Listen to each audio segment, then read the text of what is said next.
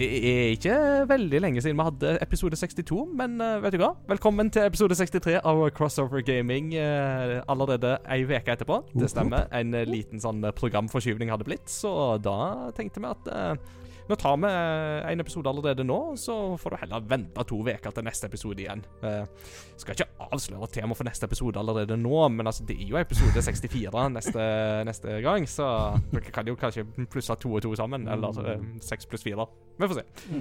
Velkommen skal dere være. Jeg heter Ingar Takanobu Hauge. Jeg sitter her uh, sammen med Peter Gjøskjell God dag, god dag. yes, og med Mats Jakob Nesmann. Hello. Hello, all right, karer. Eh, nå er det ikke gått så veldig lang tid siden sist, så mm, Petter, du kommer jo stappmett ifra påskemåltid. Eh, Forsinka påskemåltid, Går litt så seint i Oslo. Ikke sant. Opptatt med noen andre ting forrige gangen, så da ikke sant. Nei, sånn er det når du er bibelskolelærer og gameplayer og sånt, og, da- og plutselig så blir du liksom dratt med på påskemåltid. Mm. Ja, men det er jo to uker siden vi skulle hatt det. Ja, ja, men ta det nå. ja, Jesu nattverdsmåltid måtte vike for et bryllup, så da tok Nei, det var vel korona som var årsaken der òg. Vi måtte stenge skolen. Så ja, da tok vi en nå. Så nå, nå er jeg mett. Ja, så bra. Du, du er god og mett i magen? Ja. ja men det er bra. Meget. Det, det, da høres det ut som en bra påskemåltid, spør du meg. Det var skamdigg. Ja. All kudos til kjøkkenet på Fjellhaug. De er gode. Fikk dere lov å knuse litt glass og sånt òg, og rope 'Lachaim' og sånne ting òg, eller? Jeg prøvde, men jeg fikk ikke lov. Åh. Ja. Fail. Ja, Knut for, Kåre nekta. ja, for de feirer pe Pesach på uh, fjellet. Ja. Ja, ja, jeg vil jo tro at det er. Pe- Pesach de har hatt her. Altså, et skikkelig eh, jødisk påskemåltid. Ja. Og, og da må du jo ha noe lachaim og litt sånt underveis. Eller så. Vi, vi fikk i hvert fall veldig mye rart, og noe var at uh, det var, det var så Jeg er ikke så god på sterk mat, og du kjære vene, det var noen sånne rotgreier som du skulle vite, og det det røska og reiv, og du pusta godt etterpå. Mm, det Lenge siden nazien har vært så åpna opp, så det, det var fint. Ja, ja, ja, skal jeg si. Snakke om dette her med knusa glass og sånt, så bare kommer jeg på Det er jo en Simpsons-episode der The Simpsons Family er jo i Israel, og når de da lander med Air Israel på Tel Aviv flyplass, så bare ser du hvordan eh, når flyet kommer til gaten, så kjører han over et ganske stort glass. Så, han bare, så flyet knuser et glass da på veien inn. Og så står flyplasspersonalet og så bare Lachem! De, de sitter jo også, ja, Når de da går på kino, så ser de òg filmen The Reformers, som da er de store roboter som skal slåss mot hverandre, og så bare Not so fast! We can transform on the Sabbath! Let us power down and contemplate the Torah! Mm. Det er jo da Flanders sin favorittfilm i, hei- på hele Israelsturen. Ja. Ja, Selvsagt. selvfølgelig, Ja. Mm. Du da, Mats Jakob? Ja, nei, jeg hadde en eh, interessant opplevelse her forleden dag. Um, Oh. Jeg la ut um, eh, jeg har jo, eh, Nå sitter jeg jo i stua, og en av grunnene til det er jo at eh, jeg har eh, konvertert uh, Le Garage tilbake til uh, trommegarasje. Vi skal jo på sikt bygge på, så jeg har uh, valgt å eh, legge alle spillene i pappesker og dytte de inn i et hjørne. Um, og i den forbindelse så har jeg annet solgt et par konsoller som jeg ikke bruker så mye. Og jeg la ut en, uh, min eh, Twin Famicom uh, for salg. Without telling me? Du er jo med på disse gruppene, du. Hei, det. Ja, jeg trodde det er det. Jeg tror også. Ja, Ja, uansett. jeg tenkte du ikke var interessert siden ikke du hadde bydd. Eh, men det som var festlig, da, er jo at eh, det var én person som bydde på han. Bydde det minste prisen, som jeg Mm. var fornøyd- med. Og så eh, ser jeg at å, han er fra Kristiansand. Tenkte jeg, det er gøy. Og så eh, går jeg inn og så ser, og så ser jeg vi har felles venn med en annen som jeg hadde kjøpt noe spill med i Kristiansand. Og så Og så kom han hit og skulle hente han. Mm. Og så viste det seg at han bodde rett borti gata. Nei, så gøy. Eh, og han samler retrospill. Og han Hey. har en retrospillpodkast. Hei! vi ble stående og prate i tre kvarter. Så han er med i en naturligvis. podkast som heter Spell. Spell! Ja. Spell. Så det, eh, det var veldig hyggelig. Og eh, det var utrolig gøy å snakke med han. Han hadde noen, en, en eh, veldig gjennomtenkt og utrolig interessant teori om eh, eh, retninga for eh, Final Fantasy 7 Remaster. Ja. Eh, for han lurte på om jeg likte den, og så sa han jeg var litt sånn delt. Og at eh, Mm. Jeg var mange som var liksom delt og sånn, og han elska det. Og Ja. hadde, han var masse teorier om eh, Det var noen tidsreiser, og det var, det var, det var veldig mye interessant. Det var veldig, og det var veldig gøy å høre på. Eh, Ja. Det var det, Og det er litt sånn Uansett å høre på noen snakke om noe som de brenner sånn for, det er Mm. alltid interessant. Det er jo det. Det er akkurat det. Eh, så det, det var veldig gøy. Veldig hyggelig å snakke med han. Ja. Så det, det Så det er alltid gøy å finne ut at det er noen i nærmiljøet. Det er liksom Man Ja. tenker ikke at naboen også samler på gamle TV-spill. Eh, Nei. Ikke sant. Om to dager så gjør jeg det. Ja, ja, ja. Ikke sant, for da flytter da, da blir vi naboer. Sant nok. Så velkommen i klubben. Ja. Nei, men det er så artig, artig. Det er Eh, jeg, jeg, jeg, jeg har sett eh, spill dukke opp som et forslag til ting du kan høre på på Spotify, så eh, kan, Mm. kan jeg få ta og sjekke episoder og se om de tilfeldigvis name-dropper deg i, i neste episode. da Det hadde Mm. vært kjempegøy. Det hadde vært interessant. Mm. Mm. Du, er artig, artig. Um, ikke så mye sånn spennende herfra. Uh, det mest spennende er liksom at i dag, 15. april, så har liksom våren endelig kommet til Oslo. Etter at Mhm. vi hadde liksom tendenser Altså, vi hadde jo snø på mandag og tirsdag, uh, selv om det jo forsvant ganske fort. Så det var bare mm. sånn uh, uh, Men uh, nå har det liksom Vi har sluppet ganske belle unna med snøåret vårt da, Det- det- i forhold til resten av uh, Det har vi absolutt. Kjære. Det har vi. Men uh, nå, liksom 15. april, når bålforbudet trer i kraft, da har liksom våren kicka skikkelig inn. Ja. Mm. Så, så, så det jeg har gjort i ettermiddag, etter liksom jobb Jeg har jogga, så har jeg tatt en dusj, og så har jeg laga middag. Og så, mens da jeg og kona har spist middag og dessert, så har vi da sett eh, de fire siste episodene av The Clone Wars The Final Season. Mm, Det er så bra! Og det er bare sånn Åh! Fortsatt, altså. Selv et år etter å se det igjen, jeg bare sitter fortsatt og bare Jeg elsker det. Jeg har ikke ord for hvor bra det er. Det er så Mm. Altså, det er noe av det beste Star Wars noensinne. Altså, de fire episodene der er er så bra. Mm. Og så da etter det så var vi ute på verandaen og hadde debriefing eh, i Sola. Mens Nice. eh, hun passende nok drakk en Solo. Oh. Solo. Ja. De fire siste episodene har vel eh, 9,8, 9,9, 9,9, 9,9 på IMDv. Det er helt riktig. Eh, så hvis dere lurer på om det er verdt å se, så har dere en grei svar der, da. Absolutt. Eh, det er helt vilt. Det blir jo ikke dårligere av at Ray Park har vært med og motion captura kampscener i, i, i det heller, så Hjelper på det. ja. All right, men vi er fortsatt ikke en Star Wars-podkast. Det forblir uh, spin-off-podkasten vi lager ved en senere anledning. Jeg er veldig med. Ja, det må jo bli noe sånt. Vi er fortsatt gaming-podkast der vi snakker om liv, univers og alt mulig, men mest om spill, så la oss gjøre det.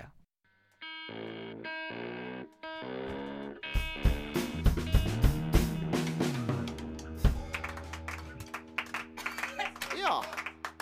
Eh, himmelsk lyd fra ungdommene. Eh, nå er det ukens kunngjøringer. Det har jo ikke gått så veldig lang tid siden forrige episode, men det har faktisk skjedd litt ting. Så la oss gå litt kjapt gjennom noen kunngjøringer.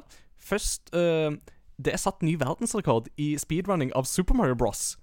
What? Hvem skulle trodd det? Eh, men den tilsynelatende uslåelige rekorden på 4 minutter og 55 sekunder har nå blitt slått av en streamer som kalles for Niftski, hvis jeg har lest det rett, som da har satt verdensrekorden 4.54.948.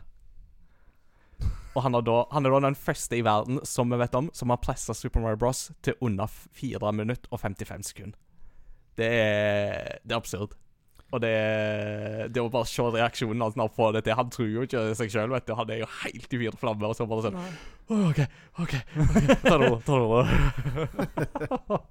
Det er ganske vilt. Ah, Tenk shit. alle de timene som ligger bak. Ja.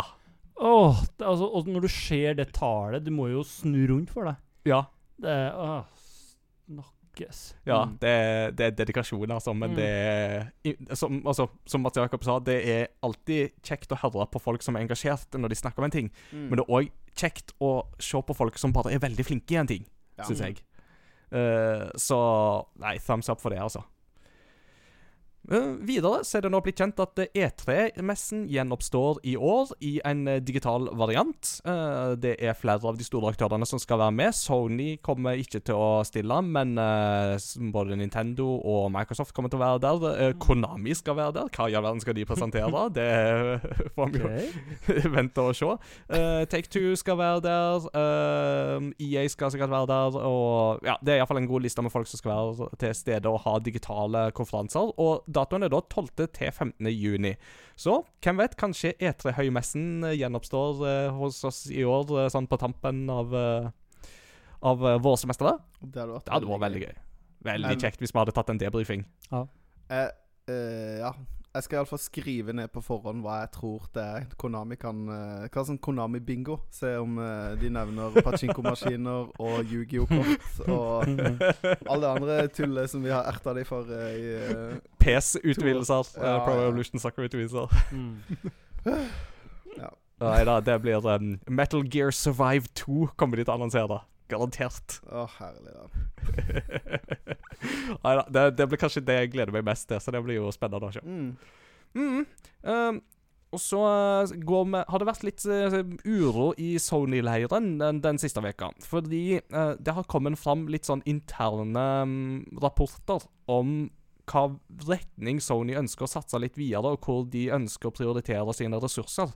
Uh, en ting som da popper opp her, er da en The Last of Us remake til PlayStation 5. Uh, men da på bekostning av andre prosjekt som Sony-studioer har ønska å jobbe med, som da f.eks. Days Gone 2.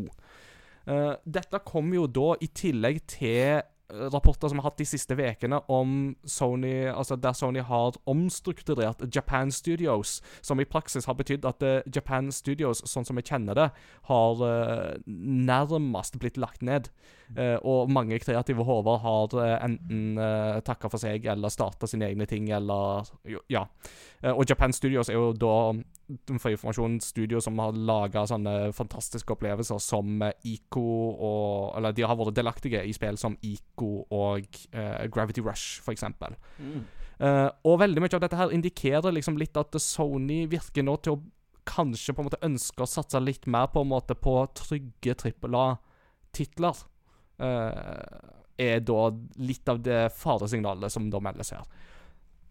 Og jeg vet ikke hvordan det er med deg, Mats Jakob og Peter, men jeg i alle fall tenker jo det at er det jo en ting som alltid har vært kjekt med Sony, så er det jo det vide biblioteket de har. Mm. med annet sånne sære små titler som bare virker som veldig nisje, men som plutselig så bare blir det på en måte veldig veldig gøy og veldig artig. Uh, PlayStation 2 er jo en konsoll som har gitt oss liksom alt ifra GTA til eh, småspill som Ico og Shadow of the Colossus til Katamari Damashi, for eksempel, og Mm. Mm. sånt, da. Uh, og jeg tenker jo at det er jo der styrken ligger, men samtidig så er det jo dette her òg med penger og kostnader og sikker inntekt og sånt. Mm. Hva tenker dere her? Altså, jeg tenker jo at eh, det virker eh, For mitt inntrykk er liksom at Microsoft og Sony går liksom annenhver konsollgenerasjon på hvem som skal være den konservative, og hvem som skal være den litt sånn risk-taker-firma. Iallfall Mm. sånn som hvis det er snakk om at de skal satse på trygge titler, for det er jo litt sånn Microsoft holdt på forrige generasjon og var litt sånn Mm. eh, trygge titler og prøvde seg på liksom Ja, du skal ikke kunne selge spillene dine, og liksom prøvde å pushe folk inn i eh, all digital, da. Mm. Som fungerte veldig dårlig. Det er jo eh, Jeg vet ikke. Jeg ser ikke for meg Eller sånn Med en gang så tenker jeg sånn Oi, det er ikke bra. Eh, De, de, kan, de, må ikke, de må ikke gi opp det. Spesielt så hardt som eh, Microsoft har gått for liksom bakover kompatibilitet. Husker alle Kompatibilitet. Kompatibilitet, ja. Eh, og liksom tre, I 360-tida så var jo de helt ville på indiespill, og altså Mm. Mm. Så det er Nei. Det, Ja. Mm. Og, og, og bare det at de har kjøpt opp Altså Microsoft har jo kjøpt opp ganske mange studio. Altså eh, Bethesda-kjøpet er jo bare på en måte Altså Det er jo på en måte stortitler på stortitler, men de har jo òg Mm. kjøpt opp liksom studioer som Double Fine, for eksempel, som jo Mm. lager Psychonauts 2. Som jo er på en måte liksom litt det der på en måte sånn midtpunktet mellom eh, liksom å være på en måte Det er stort nok til at mange har hørt om det, men samtidig ikke så stort at det er liksom det massene nødvendigvis går etter. Mm. Uh, og jeg tenker at det, Microsoft legger seg jo nå på ei linje som definitivt uh, Sony, gjør Sony veldig svette. Uh, ikke minst når eh, de òg stiller med GamePass som en så sterk ting. Så Mm. denne generasjonen begynner fryktelig fryktelig sterkt for Microsofts del. Eh, Mm. Og de grepene Sony nå tar, de er ikke veldig eh, oppløftende lesing, syns jeg, da. Det kan jo være litt det som er årsaken nå, da. At de vet at i de titlene her så ligger det penger. Og Mm. så sterk som Microsoft nå er, og eh, kommer til å være de neste årene, Mm. så må de bare OK, nå, nå må vi faktisk uh, holde litt peng, pengene litt tettere. Mm. Og heller fokusere på der vi vet vi vil få stort income uansett, egentlig. Ja. Det, altså kommer det, det Det er ganske mange av de uh, spillene som Altså kommer det en ny remake av Last of Us, f.eks. Mm. Det vil selge kjempegodt. Det vil jo det. Ja. Uh, en, en ting jeg tenker på i den forbindelse, er um, Jeg fikk nylig opp et Facebook-minne på sånn, eh, sånn 'Dette gjorde du for så mange år siden', og da fikk jeg opp eh, en av de gøyeste tingene jeg har gjort for Game Reactor. Det var jo å reise til Japan og besøke Shinji Mikami, eh, Mm. og være en av de første i verden til å få se The Evil Within. Eh, og da jeg da intervjua Mikami, uh, skaperen av Resident Evil og mm, en rekke andre store titler for Capcom. uh, og da liksom spør på en måte hva er liksom det, det, Av alle spill du sjøl har vært med på å lage, hva er liksom det spillet du har på en måte nærmest? Og da vil svaret hans God Hand. God Hand var spillet han alltid hadde hatt lyst til å lage, og som han fikk lov til å lage fordi han hadde laga så mye bra for Capcom at han hadde fått goodwill nok til å gjøre det. Mm. Men God Hand var jo en kommersiell fiasko som jo førte til at Clover Studios, som var dette understudioet til Capcom, som lagde spill som Beautiful Joe, Okami og God Hand, ble lagt ned.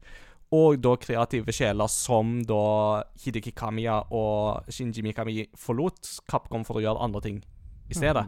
Eh, så det er klart at det er på en måte hele tida den der eh, risk and reward-faktoren her, uh, som Mm. du er inne på. ikke sant? Det Ja, koster å lage spill, og det blir jo ikke minst dyrere. Og det gjør jo at det, da vil man jo sikre seg på en måte de sikre konseptene. Mm. Eh, men samtidig så har det jo skjedd ting òg, ikke sant. Uh, du hadde jo EA var jo på ei veldig linje ikke sant, med at uh, de, skulle, de skulle ikke lage på en måte historiefokuserte singleplayerspill lenger, for det var jo ingen som gadd å bry seg om det. Og så kom Respawn Entertainment og lagde Star Wars Jedi Fallen Order, Mm. som jo solgte i bøtter og spann. Ikke bare fordi det var Star Wars, men fordi det var et veldig, veldig bra spill. Mm. Og da er det bare sånn ah, OK, vi skal lage samme spill igjen. Mm. Ja. Jeg tror det er vanskelig å, å slette Altså, med mindre det på en måte Jeg tror det er vanskelig å slette ut en sjanger av spill, på en måte. Eller sånn, Du vil alltid ha et publikum, så det er litt sånn eh, Å forsøke å liksom si Nei, sånn Altså, det er jo én ting med at liksom Pong er gått litt ut på dato, men de lager jo Pong-lignende spill enda. Altså sånn eh, det, er, det er vanskelig å si Nei, vi gidder ikke det mer. Eller Nei. Mm. Ingen, ingen, ingen Altså, ja. Mm. Man mm. trenger litt eh, allsidighet. Ja da. Og så går det jo i bølger òg, ikke sant. Vi har jo sett et comeback nå de siste par årene for beat em up-sjangeren, ikke sant. Eh, Som jo for um, fem år siden var veldig utenkelig, men nå er jo det plutselig blitt en veldig hot uh, sjanger igjen. Så Mm. yeah. Gaming er sånn som klær. Det som var populært før, det kommer tilbake. Yes. Så bare hold ved din favorittsjanger, for en dag blir det populært igjen. Yeah. Riktig. Spoken like a true thunder. Oh yes. Yes. Det er bare lekkert. Ja. It's nøyaktig torsdag i dag, Mm. Som de julekalender sa det. Uh, vi snakker om ting som ikke er sånn veldig bredt, men som har en viss populær uh, tilhengerskare. Det er spillserien Shantae fra Way Forward. Uh, nå skal det første spillet, som opprinnelig kom på Game of Color, skal slippes til Switch. Eh, og jeg tenker at det er jo sånn Jeg har alltid tenkt Mats Jakob, at Shantae det er litt sånn spill som du kunne likt å spille. Mm. Eh, har du testa det noe? Ikke det originale, men jeg har spilt eh, eh, det første som de lagde Det var vel på Wii U, tror jeg. Kom på i shoppen Mm. der. Og Ja. så har jeg spilt det som heter Pirates Curse. Kan Mm. det stemme? Ja.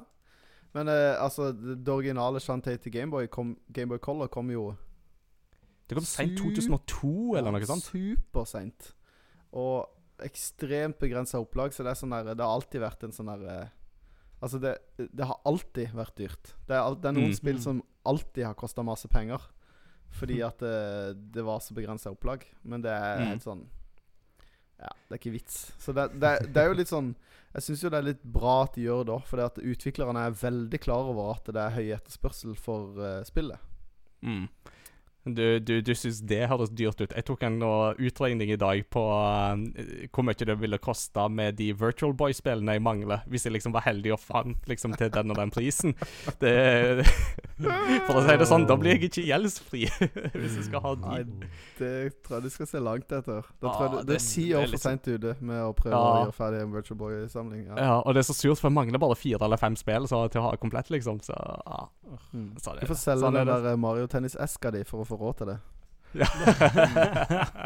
ikke sant. Mm. Eller Castlevania Dracula X på uh, uh, Super Nintendo. Eventuelt. Den, eh, den uh, kan jeg få litt for. Men, men. Jeg må ikke fortelle masse sånne ting, for da får jeg tyver på døra. Så, ja. um, snakker om tyver, så er det jo en rettssak på gang mellom Epic og Apple i Mm. forbindelse med Fortnite og betalingsmodeller og sånt, Mm. som de jo hadde i fjor. I, retts, altså, I rettspapirene som er i denne rettssaken, så er det da kommet fram at Epic har tapt 450 millioner dollar på Epic Game Store siden 2019 pga. eksklusivitetene de, de har sikra seg, og gratisspillene som de tilbyr til spillere. Eh, De regner imidlertid med at eh, dette vil begynne å gå i At butikken vil begynne å gå i pluss fra og med 2023. Eh, Det er ganske heavy. Å, du svetter godt de neste det neste halvannet året da, ass. Mm. Det, er- Mm. Men vi snakker jo om selskapet som Ja, ja. eh, tjener bøtter og spann på Fortnite, da. det Ja, ja. Ja. Så uh... De har råd. Mm. Eh, de har det. Og, og det skal sies at det at Altså, i, i langt på vei så handler jo denne rettssaken om Epics Altså, langt på vei så handler jo dette litt om at Epic utfordrer Apple sitt eh, hva skal jeg si, monopol på dette her med at Apple skal ha 30% av inntektene for alt de selger. mm. Eh, Epic er liksom litt de som tar det og utfordrer litt, de litt på dette her. Eh, men eh, hele den der Free Fortnite-kampanjen og sånt, det kan du få billig eh, av Mm. meg, altså. Ja, Kan du kan spille andre steder. Jeg syns jo på en måte det er veldig fint det at noen utfordrer den pakka der, da. Mm. For det var, det tok jo ikke lang tid etter at de begynte å pushe på priser for Altså hvor mye utviklerne sitter igjen med, før Mm. de andre begynte å følge etter. Mm. Absolutt. Og, Mm. og mm, eh, et par sånne utviklere som jeg har eh, lest litt og fulgt litt, og sånt, de sier jo det at eh, den, den forskjellen der Mm. Uh, som Epic faktisk har uh, iverksatt, det betyr så mye for dem. Mm. Uh, for de små, da. Ikke minst, altså særlig de små. ikke sant? Det Mm. å det å skulle måtte betale 12% til Epic kontra å skulle betale 30% til Apple eller Steam eller hvem det nå måtte være, det er Mm. utrolig stor forskjell for uh, de små. Mm. Så yeah. Um, Sist uke så snakket vi jo en del om dette med at uh, PlayStation Store skal stenge for PlayStation 3, PlayStation Portable og PlayStation Vita. Og da har jo Sony i utgangspunktet forsikra folk om at uh, spill en har kjøpt, vil en fortsatt kunne laste ned og oppdatere. Men den siste veka så er, har Destructoid meldt at eh, det er en rekke patcher og DLC-pakker som plutselig ikke lenger er tilgjengelige for PlayStation 3. Allerede? Ja. Og det, er bare sånn, og det er ingen forklaring på hvorfor, men det er da brukere som har klart å finne ut at når de da skal oppdatere spill, så, så går det, e- e- Enkelte spill så går det ikke lenger. Så nesten plutselig som om bare Sony har knipsa med fingrene, og så har liksom ting begynt å blåse Altså halvparten av patchene og DLC-ene har liksom gått opp i støv, nesten. Mm. Wow. Så Og det er jo bare Sony sjøl som kan fikse dette, liksom. Så det, det Igjen, dette er litt av den der uh, bekymringa som jeg sitter med med hele den digitaliseringsmodellen der, som Ja. Men vi kommer litt tilbake til det i lytterposten. Mm. Og så snakke om eh, ting som fordufter. Uh, Outriders har jo blitt et veldig populært spill uh, de, siden det ble sluppet 1.4. Uh, men det har òg vært prega av ganske mange bugs, inkludert da noen bugger der spillere som har spilt i flere titalls timer, plutselig opplever å miste all progresjonen i spillet. Eh, og mista alt av lut og lignende. Eh, Det har vært eh, ganske upopulært. Um, utviklerne, People Can Fly, har sagt at de skal kunne klare å fikse en del av det, men det vil være visse ting som brukerne ikke vil kunne få tilbake av eh, gear og setup og sånt. Så det er jo ganske krise. Så kanskje vente med å spille Outriders til det er fiksa. Mm. Og så, Peter, en nyhet som jeg jo tror du blir veldig glad for. Uh, Age of Empires 4 har jo vært teasa ganske lenge. Nå har Mm. vi fått en uh, gameplay-trailer som uh, sier at spillet skal komme i høst. Hva tenker du om det? Jeg blir jo hypa. Ja. Noe sykt. Men fallhøyden er stor. Mm. Eh, Mm. du, du, du, du, du skraper liksom borti det som er kjernen av mitt min barndoms gamingverden. Liksom det som var he hele min Ja, der jeg starta. Det er der du liksom begynner å poke borti. Mm. Og da bør du helst gjøre det bra. Mm. Mm. Så det, men eh, det er kult. Jeg, gleder, jeg er veldig spent. Det, Mm. Ja. det, jeg, skal, jeg skal jo prøve jeg, jeg må jo prøve det. Mm. Jeg har liksom alltid tenkt liksom sånn Age of Empires da, da, Det vet jeg jo at Peter liker veldig godt. Uh, Mm. Men uh, Mats Jakob, jeg har liksom glemt litt hvordan ditt forhold til den serien er. Eh, jeg, jeg digger det. Jeg fikk eneren til jul et år. Eh, spilte det veldig mye. Men, men jeg- skjønte Altså, jeg syns det var veldig gøy, og jeg spilte det veldig mye. Men jeg har på en måte skjønt det Litt sånn som Heroes. At jeg skjønte at, at jeg spilte det litt på min måte. Jeg var liksom ikke nødvendigvis interessert i campaignen. Det var en periode Vi skal jo snakke om det i dag. Jeg synes det var Det gøyeste var jo bare å hoppe inn i en sånn scenario, og så bare Mm. blaste på med de her Jeg husker jo ikke alle kodene, men du kunne få sånne små uh, Spacemen med laserpistol og Batmobil, og bare egentlig bare kjøre rundt og bare druse ned alle med en gang. Altså det var mer sånn sånne Det var mer sånn leking, mer enn Mm. at det faktisk det der strategielementet. For det at eh, Jeg klarte liksom aldri å ah, På egen hånd, da, som en sånn 10-12-åring, å å liksom forstå spillet. Mm. Mm. Men jeg hadde det veldig gøy med det. Men Age of Empires 2 har jeg spilt mer. Men jeg er ikke nødvendigvis noen sånn eh, superstrateg, har jeg innsett. At jeg syns det, det er gøy å bygge litt og holde på, så blir jeg irritert når folk angriper meg. Ja. Ikke ødelegg den fine muren min. Samme her. Samme her. Det er jo søtt, da. Ja. Eh, I går så var det en uh, Nintendo Indie World-presentasjon. Der uh, det var litt presentasjoner av ting som kommer, og ting som ble sluppet allerede nå. En av de som, tingene som ble sluppet ganske sånn umiddelbart, det var indie-klassikeren Fez, som nå er tilgjengelig på Switch. Mm. Men det ble òg annonsert ting som Oxenfree 2. Det uh, blir litt spennende. Um, og òg bekrefta ting som at uh, dette nye Turtles-spelet kommer jo da òg på Switch, eksempel. Mm. Så det, det liker vi. Det liker vi.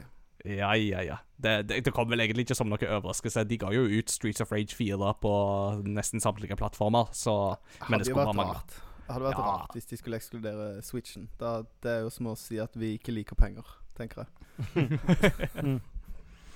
Ja, det er jo blitt litt sånn at uh, Switchen drukner jo nesten i, i ting som er tilgjengelig, så det kan ja, bli for mye av det gode. Men, uh, men, men det, det, det viktigste er iallfall at uh, gode spill kommer på Switch. Det, det liker vi. Det er bra. Mm. Mm. Flott. Da er det på tide å snakke om dagens tema. Og det sprang litt ut litt sånn i kjølvannet av pausepratinga som vi hadde i forrige episode. Eh, det vil si, uh, vi begynte å snakke litt om dette med juksing i dataspill. Uh, juks og fantedri. Eh, da vi hadde pause i forrige episode.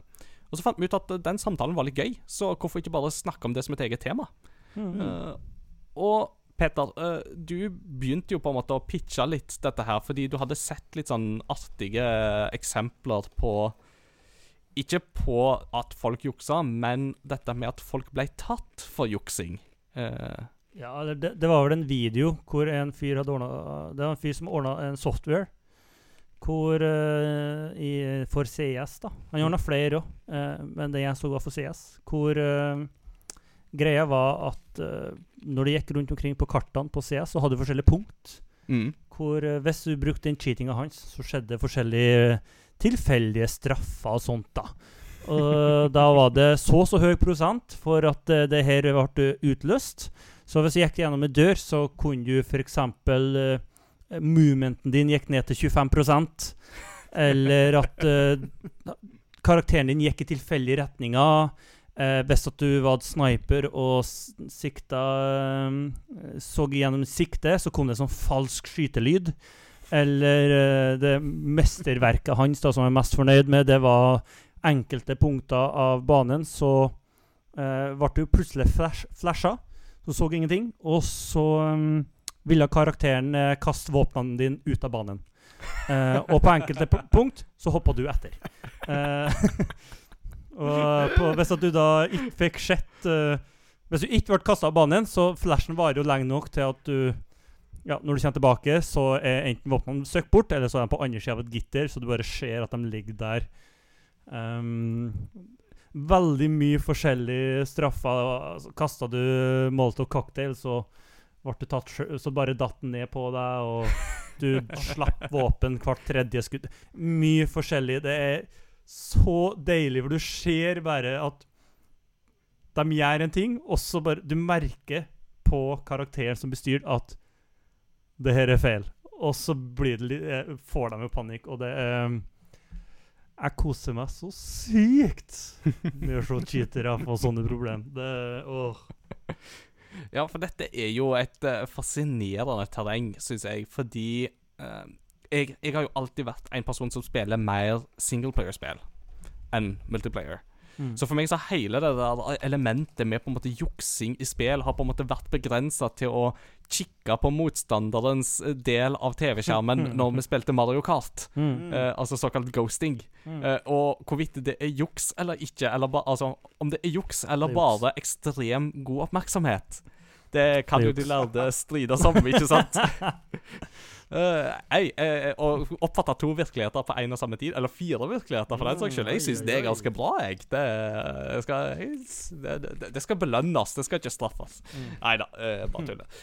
Uh, men, altså, vi har et eksempel på det fra LOL, ja. hvor det var et uh, lag som var tatt av å småkikke på storskjermen i tide og utide, hvor du da har kartet over hele banen, ned til høyre. Så han småkikka der eh, tide og utide gjennom kampen, og fikk jo da veldig mye god informasjon. Og mm. på den måten altså, så det, altså Ghosting har jo kunnet blitt tatt opp til profesjonelt nivå. Ja, ja, ja. Og eh, det var tatt for juks, og de fikk en klekkelig bot, så jeg syns at du bør få det samme. ja, men dette var ikke i turneringssammenheng, da. Nei, det skal jo sies. Nei, heldigvis ikke. Nei, ghosting er jo sånn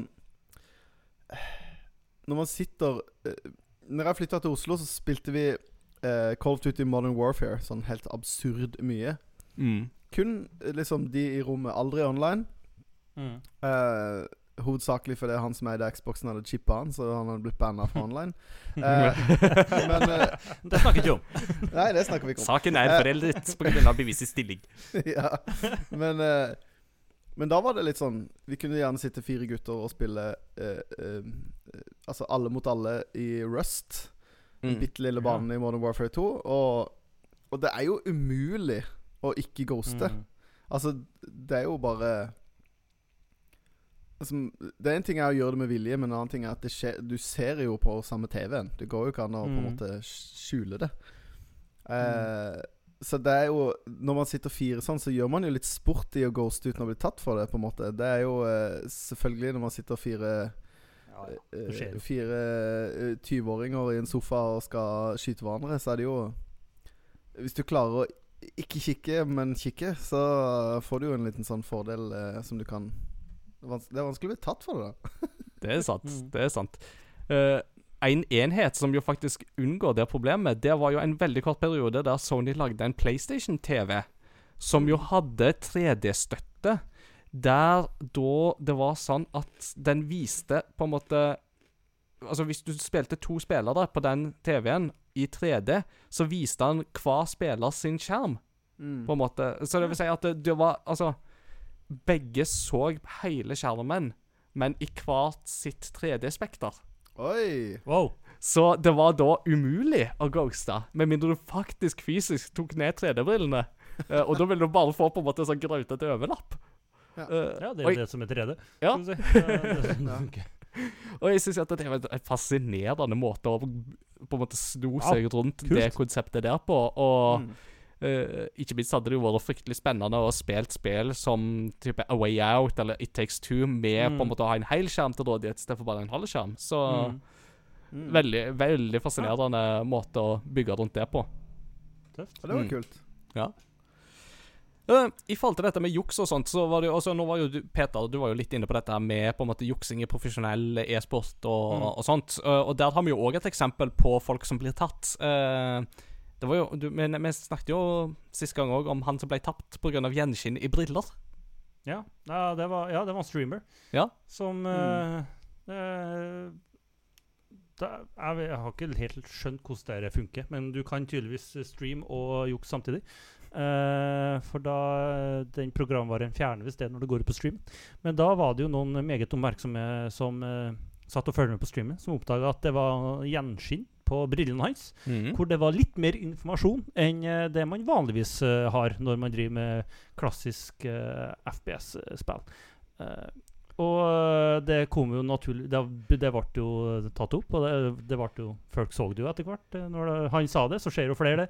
Eh, Mm. Hvor du da så dere små det, det er ofte firkanter, eller du ser typisk skjelettet til karakteren. Mm. Så du vet hvordan retning, hvor langt unna de er, og kan få opp Du kan få opp helt ekstremt mye informasjon ved cheating. Mm. eh, Hvordan vei de ser, hvilken type våpen de har, hvor mye helse de har. Uh, ja, og ikke minst, du ser dem uansett, da, gjennom eh, vegger og alt. Mm. Og det er jo utrolig Og det er jo flaut.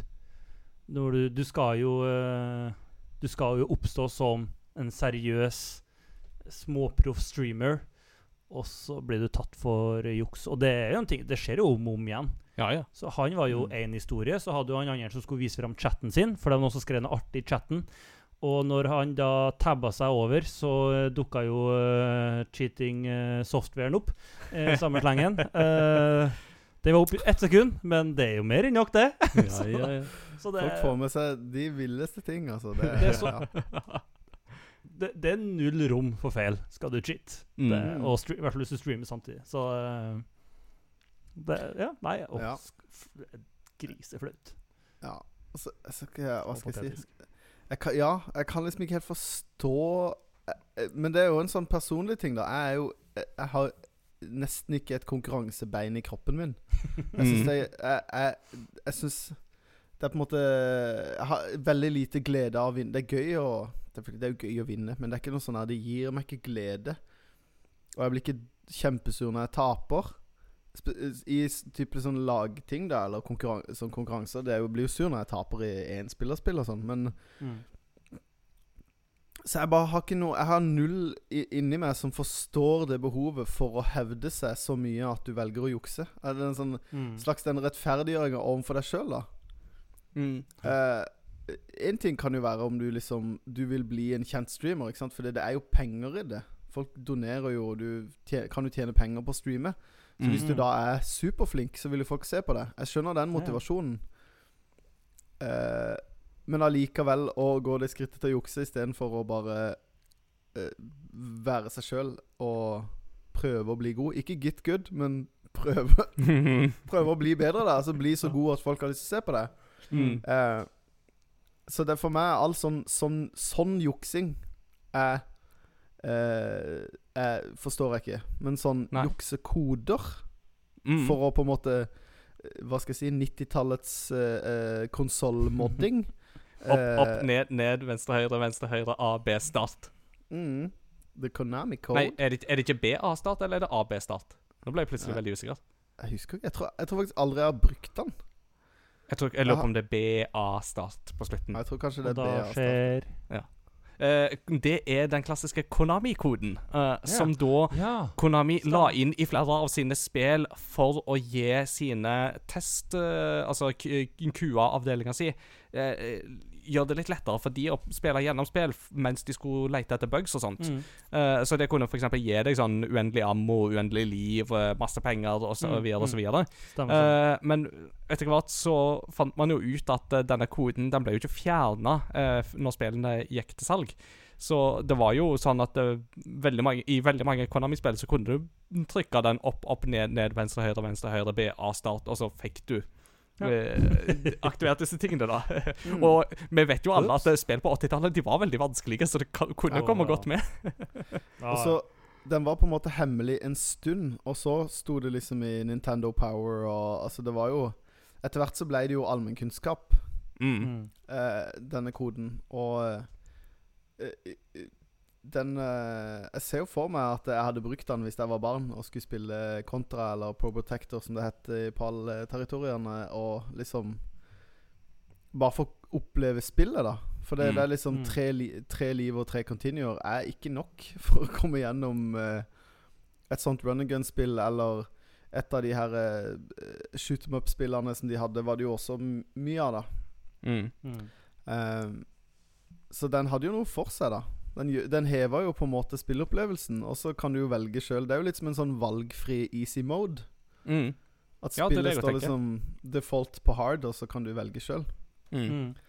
Men eh, jeg tror mine favorittjuksekoder, de snakka vi jo litt om sist, det er jo eh, i eh, 007 Golden Eye Mm. på Nintendo 64. Der, der får du juksekoder. Det er jo ikke sånn at du må finne ut av åssen du kan plotte inn. Du, ved å utføre eh, oppdrag eller gjøre ting ekstra fort eller eh, skyte alle fiendene og sånn, så får du jo juksekoder. Ja. Mm. Eh, og der er det jo lagt inn for at det skal være gøy. Mm. Ikke sant? At du, du, du må klare det Du må klare banene først, og så kan du på en måte spille banene med mods etterpå, da. Mm. Mm. Eh, så sånne juksekoder er jeg veldig fan av. Sånn juksing er gøy. Ja, ja, ja. Og jeg, det fins jo noen andre eksempler på det. Altså, Banjo Kazooie hadde jo òg sånne eh, Mm. juksekodesider som du fant, eller som du kunne levere til juksekodeboken, eh, som jo heter Cheeto. Eh, og, og, og da kunne du, når du da hadde på en måte aktivert noen koder og sånt, så kunne du på en måte skru av og på av diverse ting, da, som, Mm. som var veldig artig. Mm. Eh, en av mine favoritter det er likevel fra SimCity 2000. Eh, for det som var gøy der, var at hvis du skrev inn koden Priscilla, som i Priscilla Presley, eh, Mm. så kunne du på en måte åpne en ekstra tab eh, i, i menyen. Og da kunne du liksom Da hadde du liksom adgang til å liksom, gi mer penger og sånn til deg sjøl og øke Holdt på å si positiviteten til befolkningen og alt sånt. Men grunnen til at jeg gjorde dette, var fordi at det òg åpna opp for gigakatastrofer og masse ødeleggelser. Så da kunne du ha liksom sånn nuclear meltdown, du kunne ha mm, storbranner, du kunne ha masse demonstrasjoner, du, du kunne ha Ja, altså det, det, det var liksom ikke måte på hva slags katastrofer du kunne aktivere med den Mm. juksekoden. Og det var det gøyeste når du hadde bygd opp en by i SimCity. Så var det jo bare totalraserende etterpå. Det var jo det gøyeste. Mm. Massemorder, du, da. Ja, ja. det var jo en av de største svakhetene med Cities Skylines da det kom ut. Eh, men så kom det jo etter hvert en egen eh, DLC-pakke som jo fokuserte på dette med katastrofer.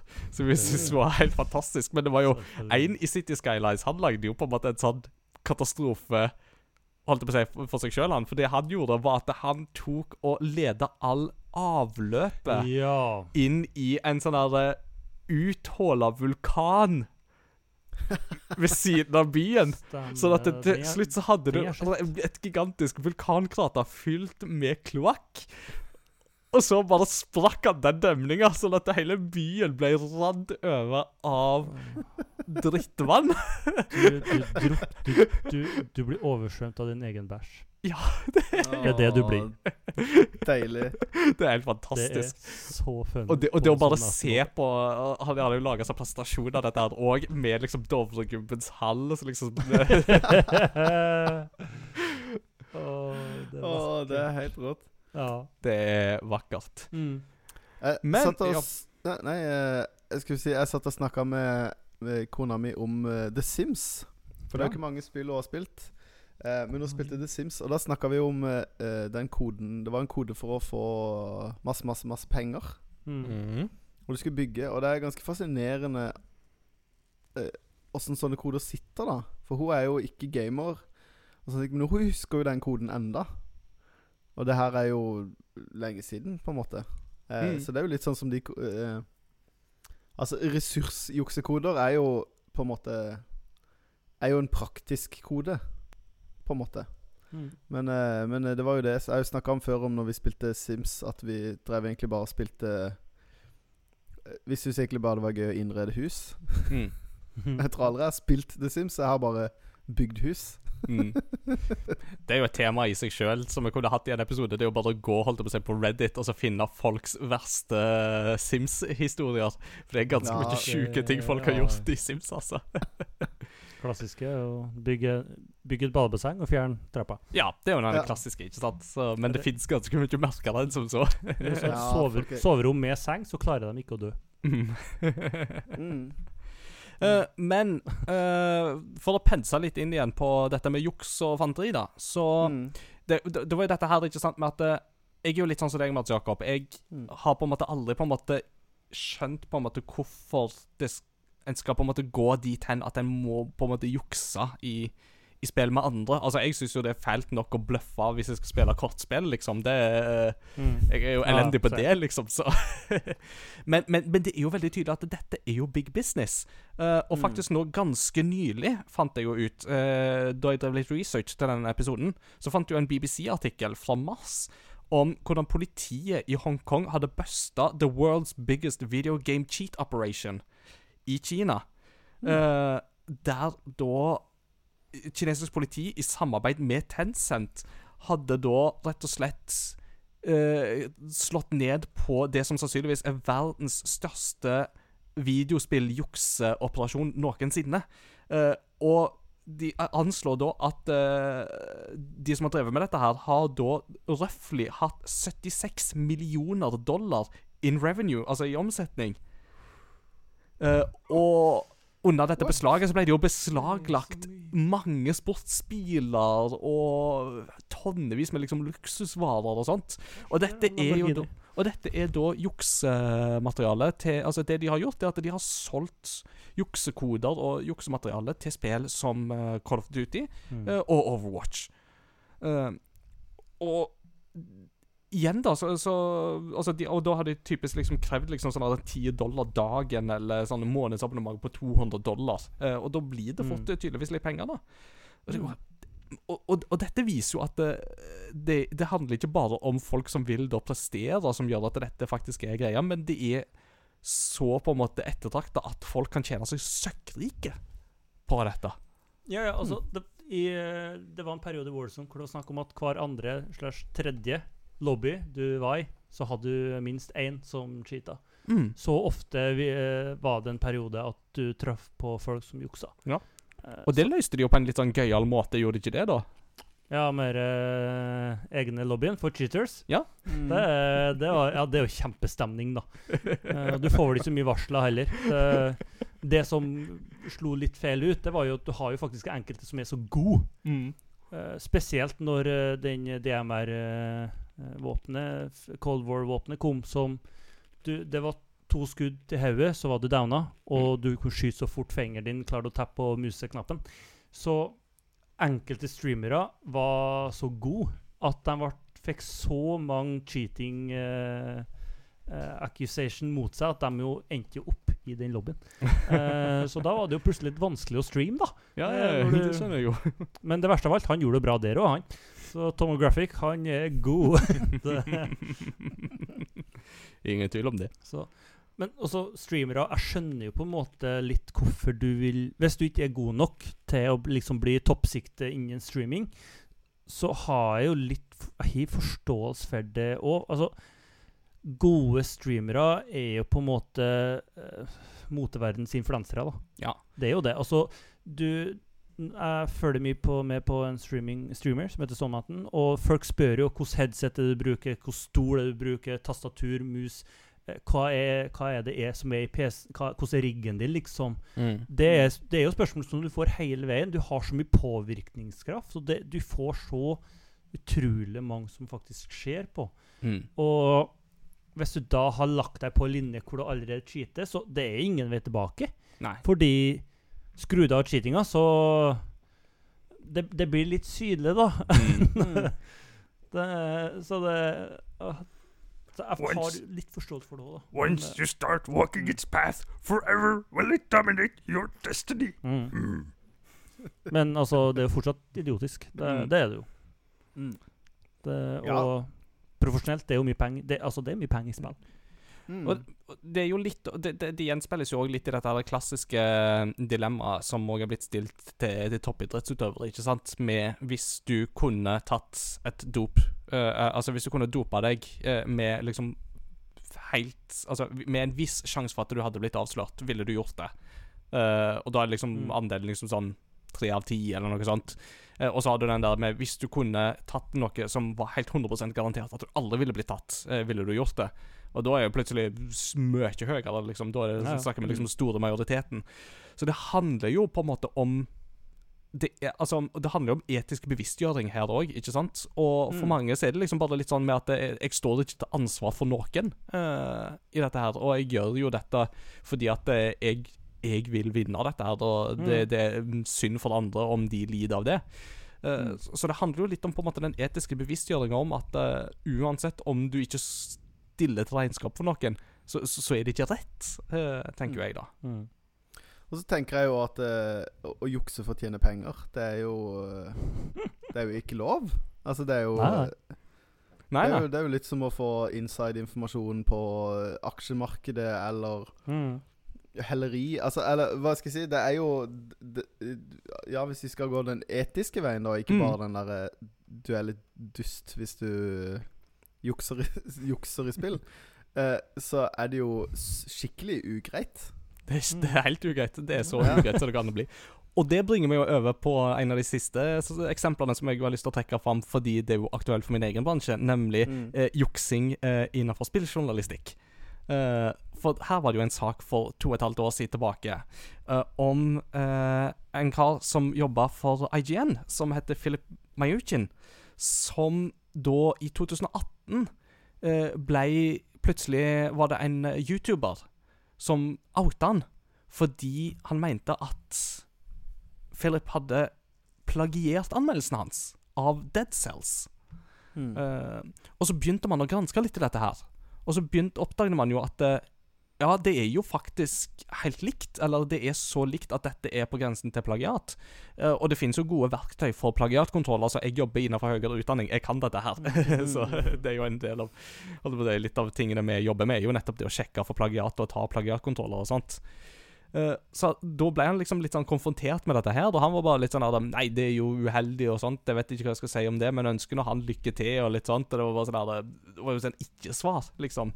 Mm. Og så, mens denne saken da begynte å gå, så var det no kom det opp en andre sak om at uh, Ja, men det, vi, vi, vi finner en annen anmeldelse her der det virker som at du òg har uh, kopiert litt i Fifa 18. Uh, at du har kopiert Fifa 18-anmeldelsen til Nintendo Life. Um, og da begynte jo han å bli litt sånn, her, eh, litt sånn eh, molefonken på dette og litt sur på det, og la ut liksom sånn YouTube-video der han kommenterte og sa at eh, Jeg vet nå ikke hva de måtte mene om det, men altså eh, Herlighet, hvis du mener at jeg jukser, go ahead, liksom grav videre og se hva du finner. Det er liksom sånn Hvis du mener jeg jukser, så legger jeg fram bevis, da vel. Problemet er jo det at den som jo satt og jobba med dette her for Kotaku, det var jo Jason Schreier. Som jo er liksom de, de gravejournalist journalist i spillbransjen. så Jason, vet du, challenge accepted, og begynte å grave og grave og grave. Og her var det sånn, jo mer de gravde, så var det anmeldelse på anmeldelse på anmeldelse som han her hadde skrevet for IGN, der det bare var tydelig at det her hadde han henta materiale fra andre anmeldelser, både skriftlige og muntlige, rundt omkring. Og da var det jo bare Hans profesjonelle integritet var jo blåst. Altså, den, den var liksom sprengt i fillebiter, og han fikk jo Mm. Han ble avskjediga. Mm. Og det var vel flere av anmeldelsene hans for IGN også som ble tatt ned som en konsekvens av dette. Og, og, og det er jo rett og slett fordi at i et kreativt yrke som journalistikk, og, og, Ikke bare journalistikk, da, men òg et kreativt yrke som krever at du skal skrive dine egne ting, så er jo det å plagiere andre på den måten, uten kildehenvisninger, det er jo strengt forbudt. Altså, det er, det er Da tar du æren for noe som andre har gjort, og det er faktisk helt ugreit.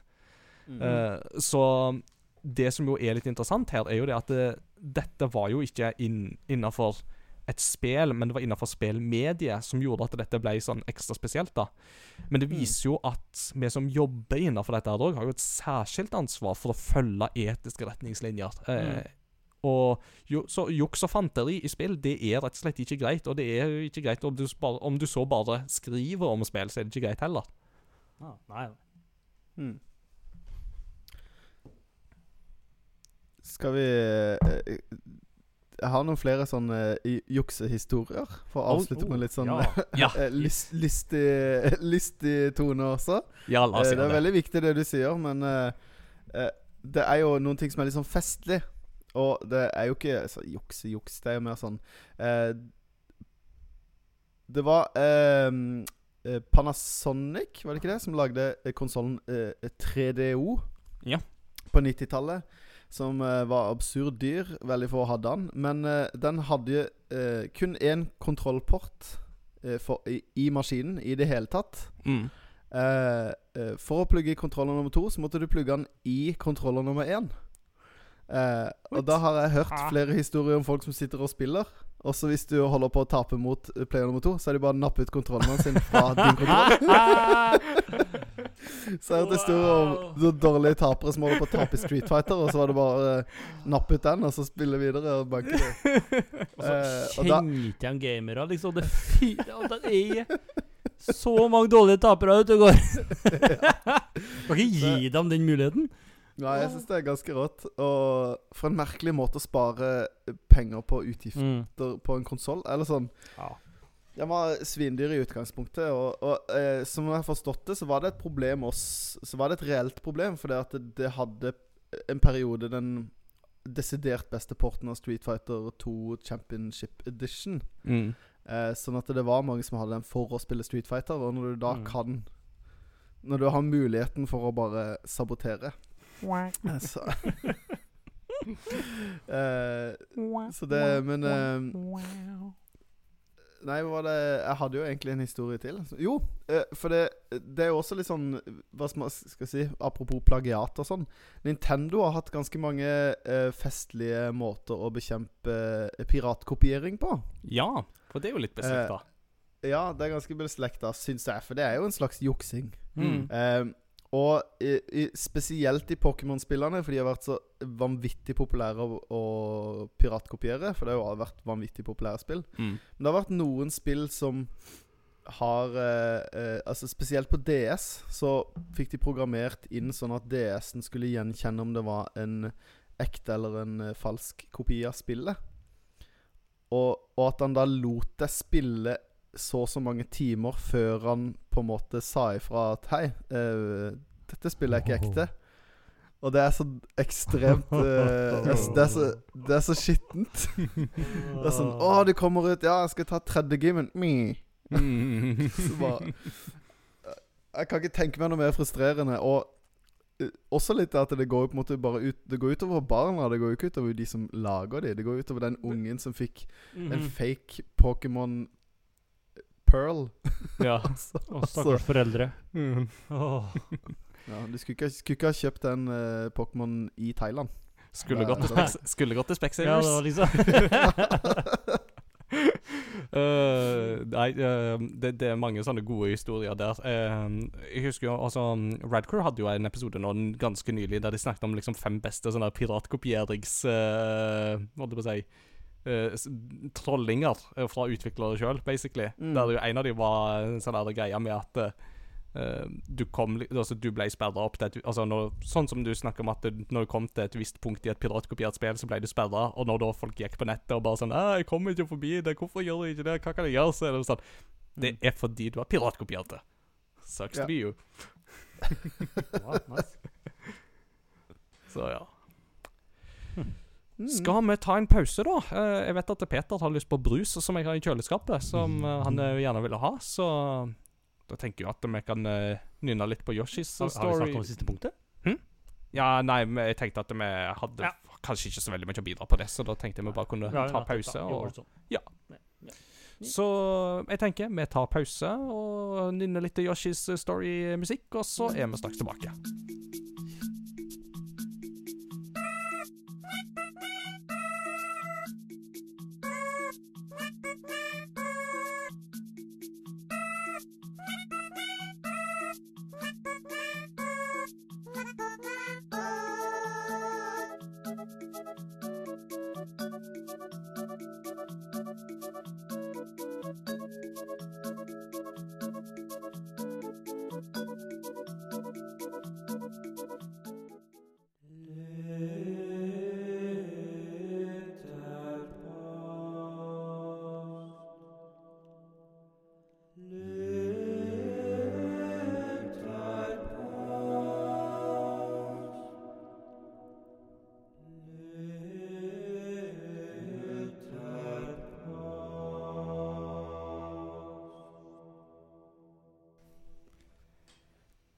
På tide å høre fra lytterne i denne ukas lytterpost, som vi har stilt i, i eh, Facebook og Discord.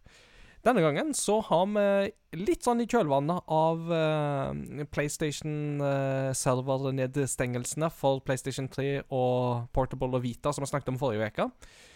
Litt sånn i kjølvannet av det så fikk jeg egentlig litt lyst til å stille folk det klassiske spørsmålet Hva foretrekker du?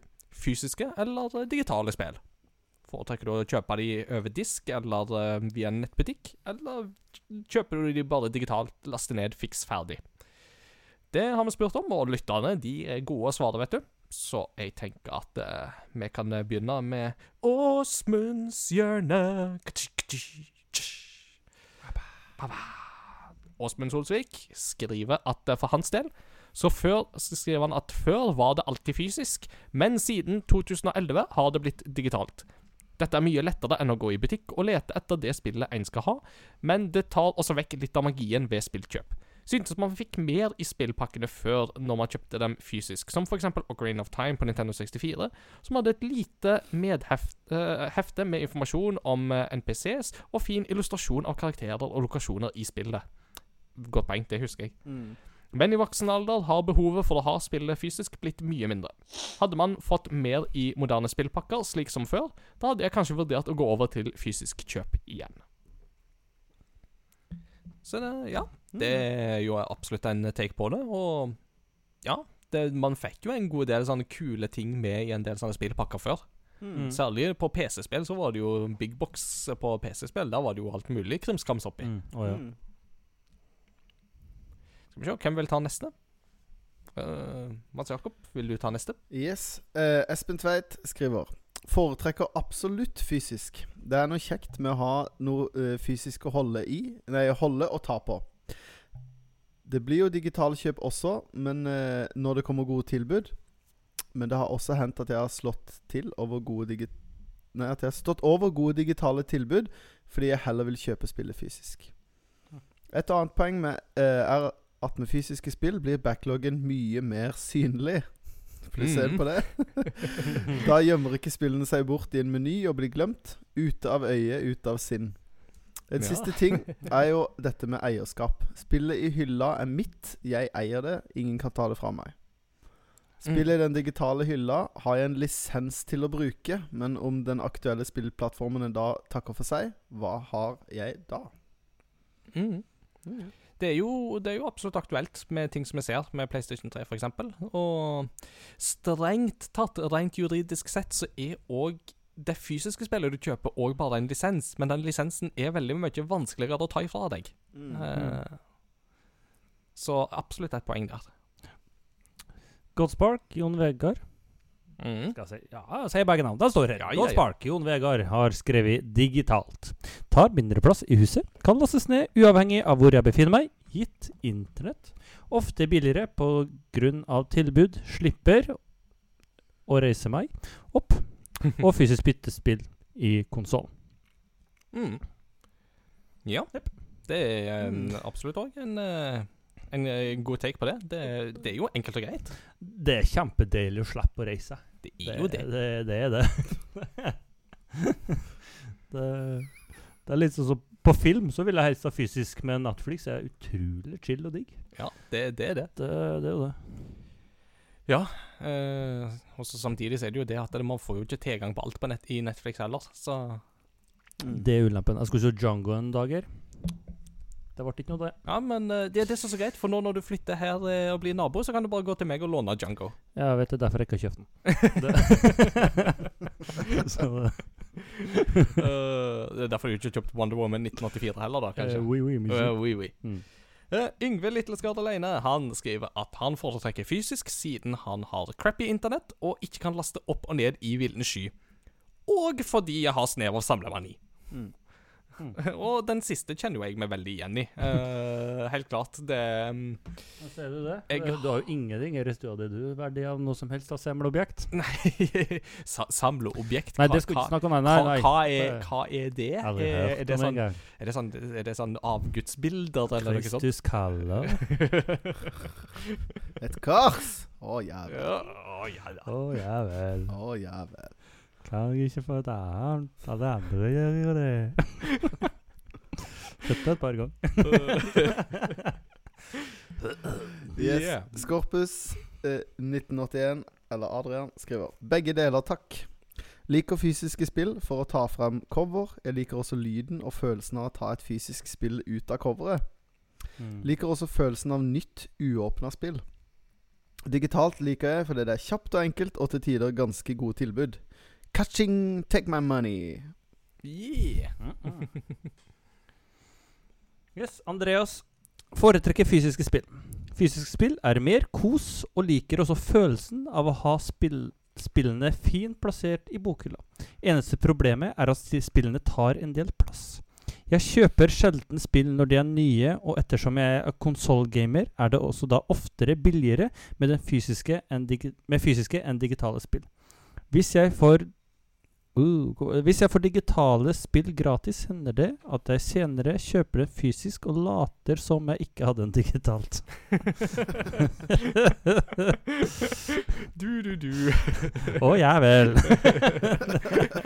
ja, men det er jo absolutt en måte å gjøre Ja. det på det. det, det men altså, jeg har, jeg har tatt meg sjøl i å gjøre det litt, grann, for at jeg plutselig så snubler jeg over et um, Ja, det er bare for noen uker siden så snubla jeg over et fint eh, sånn eh, steelbook-eksemplar av Bioshock på Xbox 360. Mm. Men, sånn, men jeg har jo det spillet fra før på PC og eh, for så vidt òg på PlayStation 3. Men det var så fin cover og sånt. At det var sånn, og etter at jeg har fått liksom, Xbox Series X i hus, så har liksom det å bygge opp en større katalog av Xbox-spill i huset har blitt mye mer attraktivt. Mm, okay. ja, og da er det bare sånn Nei, hadde jeg det spillet fra før? Du, du, du, du, du, du, hello.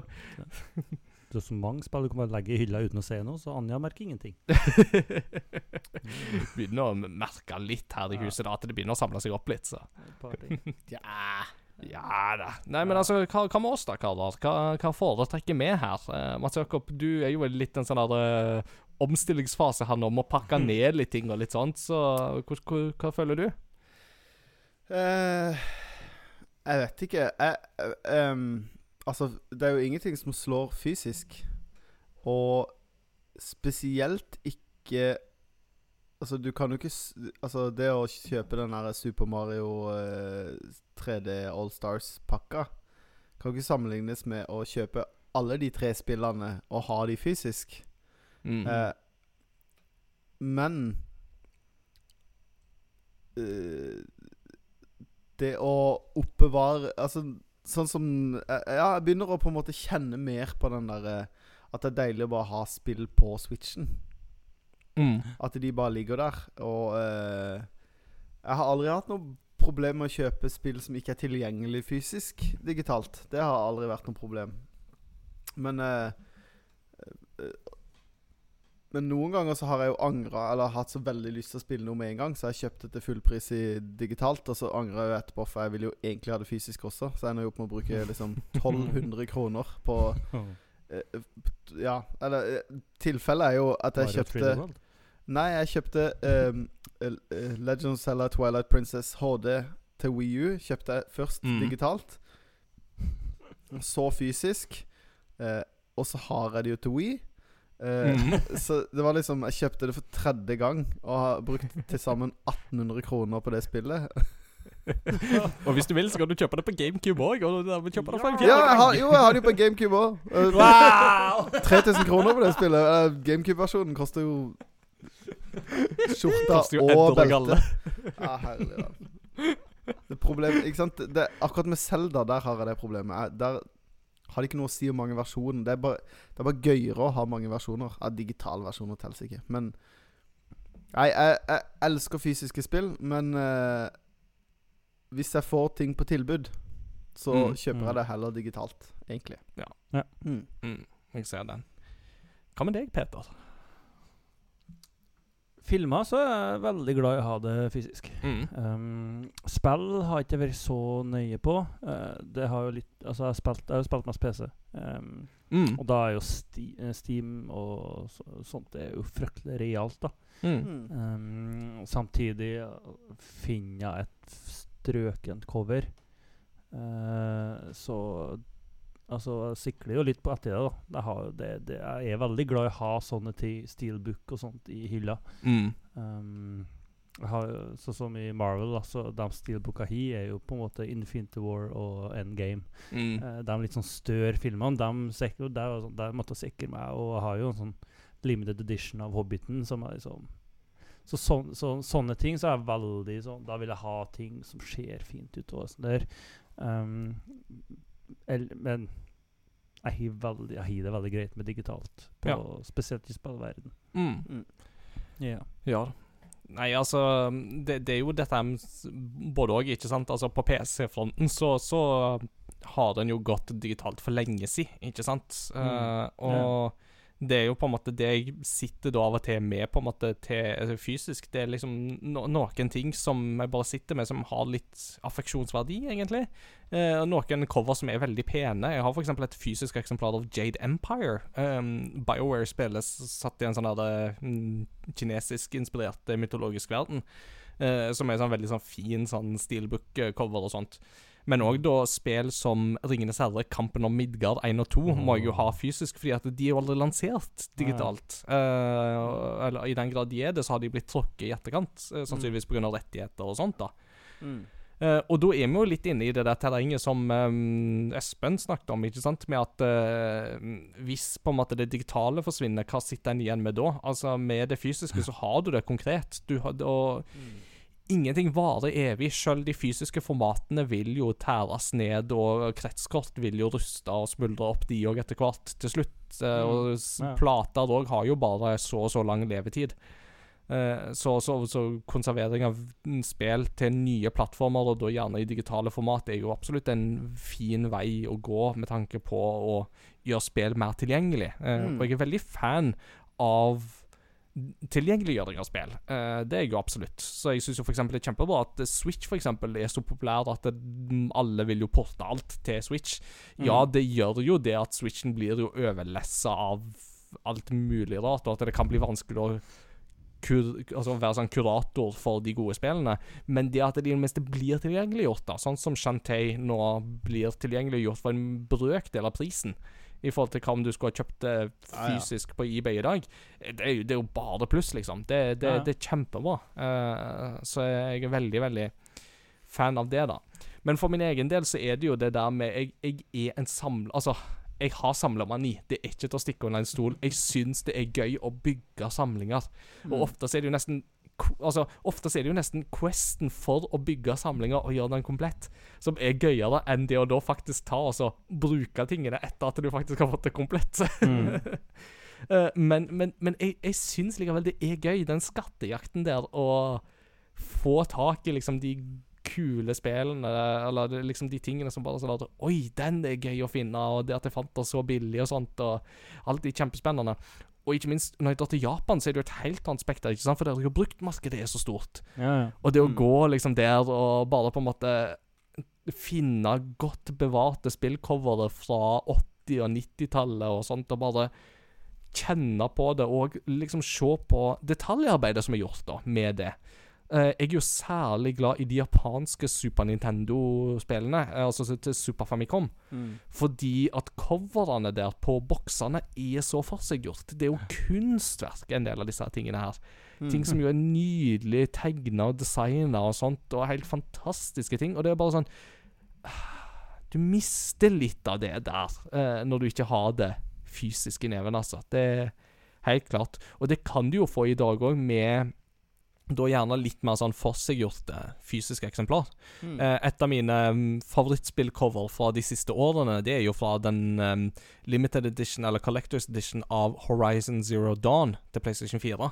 Mm. Som har et helt Ja. aldeles nydelig steelbook-cover. Med Aloy og uh, en av disse her mekaniske monstrene på framsida som er bare helt nydelig framstilt. Og ser så bra ut. Og, det, og du kjenner liksom Bare du ser på det, så er det sånn det, det, det er jo kunst å bare se på det òg i seg sjøl, Det er noe ekstra magisk ved det, da. Ja. Det er håndfast og ekte. Som jeg føler at uh, du mister den hvis du bare skal se på det bildet på mobilen og så bare yeah, That's nice, og så legger du det fra deg, og så Mm. Ja. Så det er noe med det håndfaste, da, som som jeg liker. Men samtidig, det er jo det praktiske med det digitale som jo absolutt er der. Men jeg har gjort sånn som Var det Andreas som sa det? Bare sånn Har kjøpt spill fysisk som jeg egentlig eier digitalt fra før, men bare på en måte sånn Nei, nei, men nå bare glemmer vi at vi har det digitalt. Det, Mm. Vi trenger ikke henge oss opp i detaljene. Nei, nei, nei. Så ja. Eh, Så det er våre takes på det, tenker jeg. Um, og eh, hvis uh, du har andre takes på det, og ikke har fått sagt det, så må du gjerne slenge det inn på Facebook eller i Discord. Og lenker til begge deler finner du på crossovergaming.no.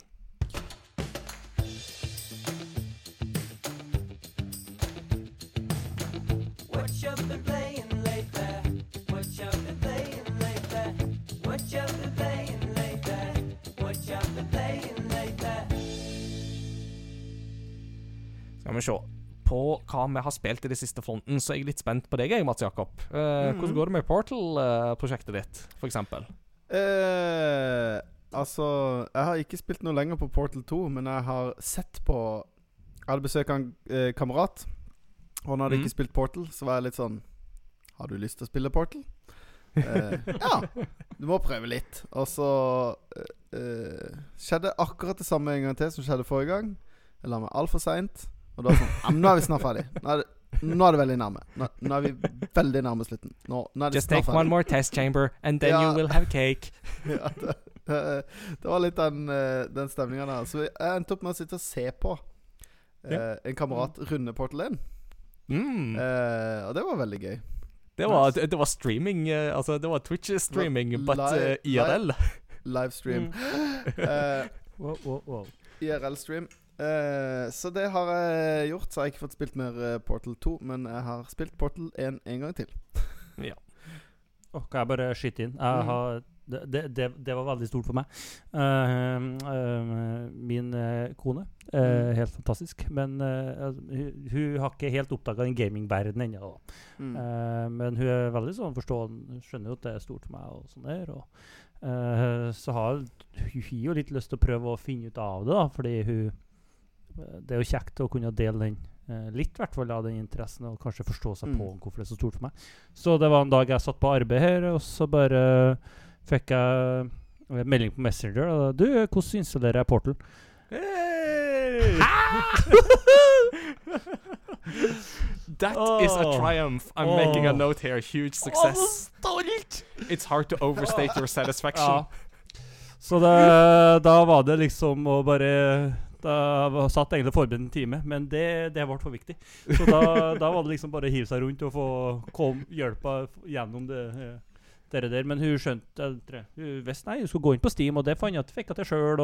Ja da, hun er jo datakyndig, hun frøken der. Så det, og når jeg kom tilbake, så hadde jeg passert ti eh, leveler da.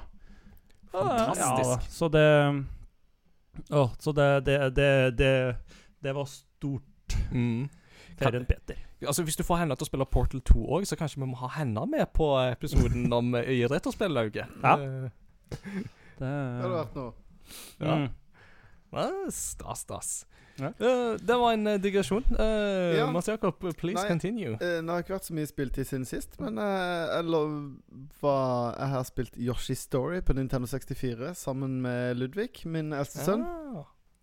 Eh, det, var, det er veldig gøy. Han har jo spilt eh, Han har jo spilt demoen til Yoshi's Crafted World eh, mange ganger. Og det første Mm. spillet han noen gang prøvde, var Yoshi's Woolly World på Wii U. Åh. Når han var sånn ett og et halvt.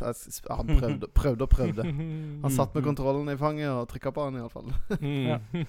eh, men eh, det, er det, det er et veldig, veldig Jeg har glemt hvor gøy det- det spillet er. Og så ja. hadde jeg på en måte glemt litt strukturen i det spillet òg. Mm. Eh, fordi du spiller eh, en barnebok, ja. eh, og så er det meninga at man skal spille gjennom spillet flere ganger. For det at når du, du unlocker på en måte nye sider Jeg vet ikke hva jeg skal si. Det nye måter å Det blir på en måte nye sider i boka, men det er ikke allikevel nye sider. Ja, uansett, da. Du unlocker nye baner Mm. eh, ved å finne hjerter i de andre banene. Så det er liksom meninga at du skal spille gjennom det flere ganger, og hver gang du har gjort en bane, så får du på en måte neste bit av fortellinga, og så sier, står det sånn eh, Og så bladde de om til neste side, og Yoshiene ble enda lykkeligere. Og det var liksom å sitte og oversette for han var som å sitte og lese Sitte og lese en sånn barnebok. Så litt koselig. Og så um, ble det ganske fort litt for vanskelig for han. Eh, Sånn at det er ikke for femåringer. Ja. Selv om det ser ut som det er for nyfødte, sånn uh, artstyle-messig. For det er så søtt. Og dere hørte jo på den pausemusikken at det er jo bare helt sånn det er, Og det er sånn meg og min storesøster Vi har en greie med det spillet. Uh, Oh. Så hver gang Mm. det er noe snakk om Yoshi, så gjør søstera mi sånn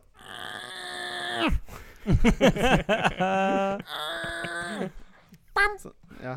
Det er Så det er Ja, det, det, det, det, det varmer meg på innsida av spillet. spillet. Uh, det er jo koselig å høre.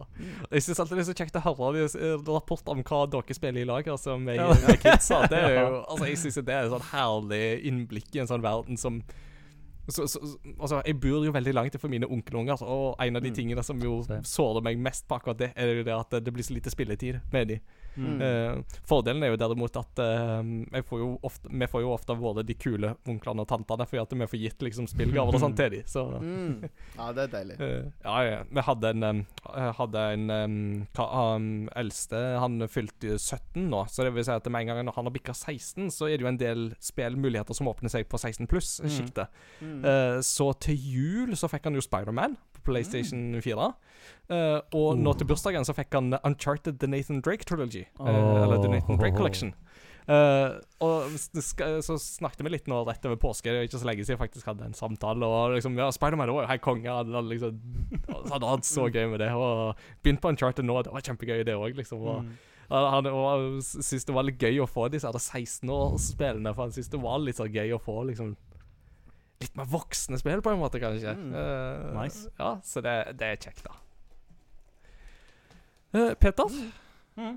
hva har du spilt i det siste? Jeg har gått veldig mye det samme. Eh, det er Last of Us, Warzone, Valhalla, og så har vi hatt Limbo. Så det er nytt, da. Uh, som ukaspill denne vekka her. Eh, og det koste jeg meg Ja, det koste jeg meg veldig med. Kjempeartig spill og sp grotesk. Mhm. Grotesk og men lydkvaliteten i det spillet er jo helt uvanvittig. Det er så detaljert. Mm. Det er så bra. Mm. Mm. Eh, og jeg ble veldig gira på toeren, egentlig, så det har jeg jo planlagt om å få spilt gjennom snart. da uh, Limbo 2? Nei, hva, og hva er Inside? Inside. Ja. Ja. Mm, den eh, åndelige oppfølgeren? Ja. ja. Riktig. Um, eh, fantastisk bra spill. eh, veldig enkelt. Det, jeg trodde først at jeg feil uh, lasta ned feil spill, da, for det var på 89 megabyte. Eh, så det var så Du, du setter på nedlastinga, og så skulle det liksom bare blunke, og så bare Oi! Det, ferdig? Nei, nå, nå har jeg gjort noe galt her. Det betyr jo òg ingen lastetid. Ja. Så det er jo uh, Så Limbo var før PlayStation 5. Ja, ja, det var det absolutt. absolutt. Mm. Det var jo et av disse pioner-indiespillene på Mm. 360-tida, vet du. Ikke sant? Mm. Så det er kjempeartig. Så jeg spilte gjennom meg sjøl. Eh, og så kunne jeg jo i dag da bare tusle rundt og se på alle elevene som sleit, og, og de ble så sinte. Og det Å, jeg koser meg jo gløgg i hjel, det, det jeg, hi- altså, jeg er jo samvittighetsmenneske av rang, men det å se at folk sliter med sånne typer spill da koser jeg meg. Å, det var artig.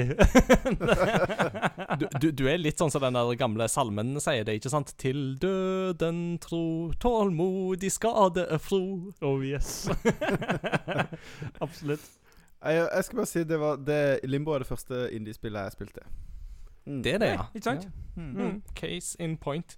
Mm. Jeg har jo spilt det, jeg òg, for fryktelig mange år siden. Um, og jeg var litt sånn lunken på det da jeg spilte det første gang, men eh, jeg lurer på om jeg hadde likt det mye bedre hvis jeg hadde spilt det i dag. Så kanskje eh, Nå ble jeg nesten inspirert til å plukke det opp igjen, altså. Ja. Uh, og sist uke så snakket jeg jo litt om Little Nightmares. Uh, Ja, eh, uten at det er en ting der Jeg presterte jo å si at uh, hun Six, som du spiller som der, har rød regnfrakk. Jeg aner ikke hvordan det ble til, fordi at hun har jo gul regnfrakk. Uh, Mm. Så Mm. eh, jeg er ikke fargeblind, for ordens skyld. Jeg må bare rette meg sjøl opp for forrige uke.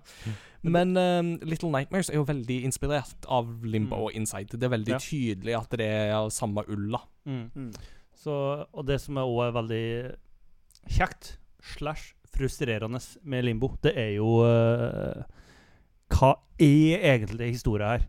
Hva Mm. er greia? Uh, det Mm. Mm. Så jeg har jo sittet og kikka på litt YouTube-videoer og litt Ja. sånn teorier rundt omkring. da Det Mm. er jo ingen som egentlig vet hva greia er. Og han, de som ordna spillet, de sier jo ingenting. Nei, nei, nei. Lure, lure dansker. Ja, ja, Det nærmeste de var, var vel at i et intervju så sa han at det er noen som har vært i nærheten av noe av det vi diskuterte. Og det var alt han sa. så, det, ja, så ingen vet egentlig hva greia er, men han har jo også sagt han, han, han liker ikke når ting får en sånn endelig slutt.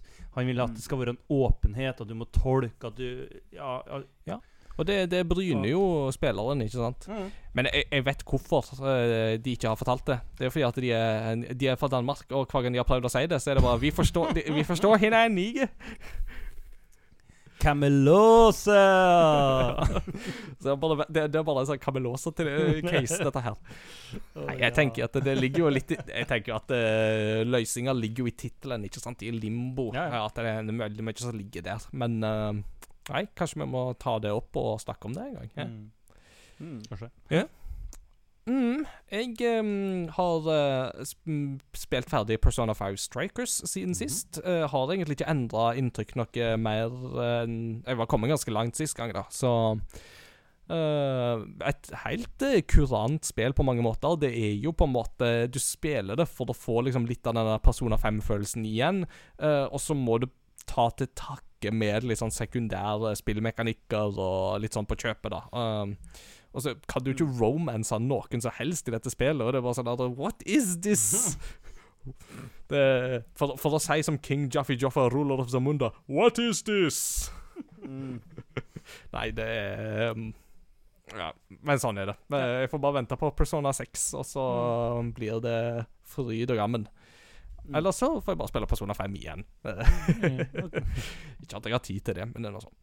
Um, men jeg har spilt to andre ting, og det som er litt gøy, er at nå har jeg det, det er jo nesten litt synd å si det, men etter at jeg har kjøpt PlayStation 5, så har jeg jo brukt den fryktelig lite.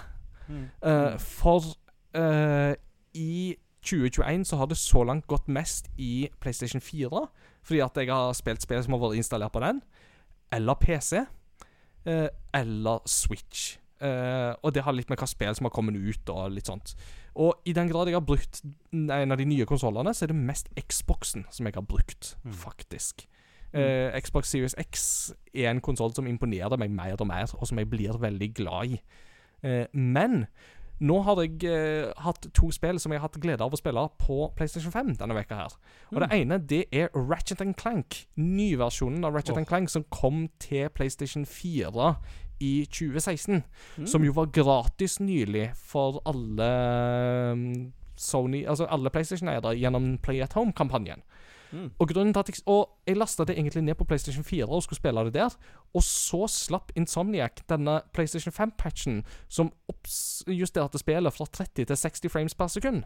Mm. Og da var det jo ikke et spørsmål engang. Fordi at eh, Digital Foundry presenterte jo dette i en video og bare viste at det, her har vi gameplay fra to timer med Ratchet Clank som har spolt liksom bare kjapt gjennom nå på to minutter. Og som dere ser, det er ikke en eneste dipp i frames per sekund eller frametime oh. overhodet. Det er bare helt perfekt jevnt hele, hele tida.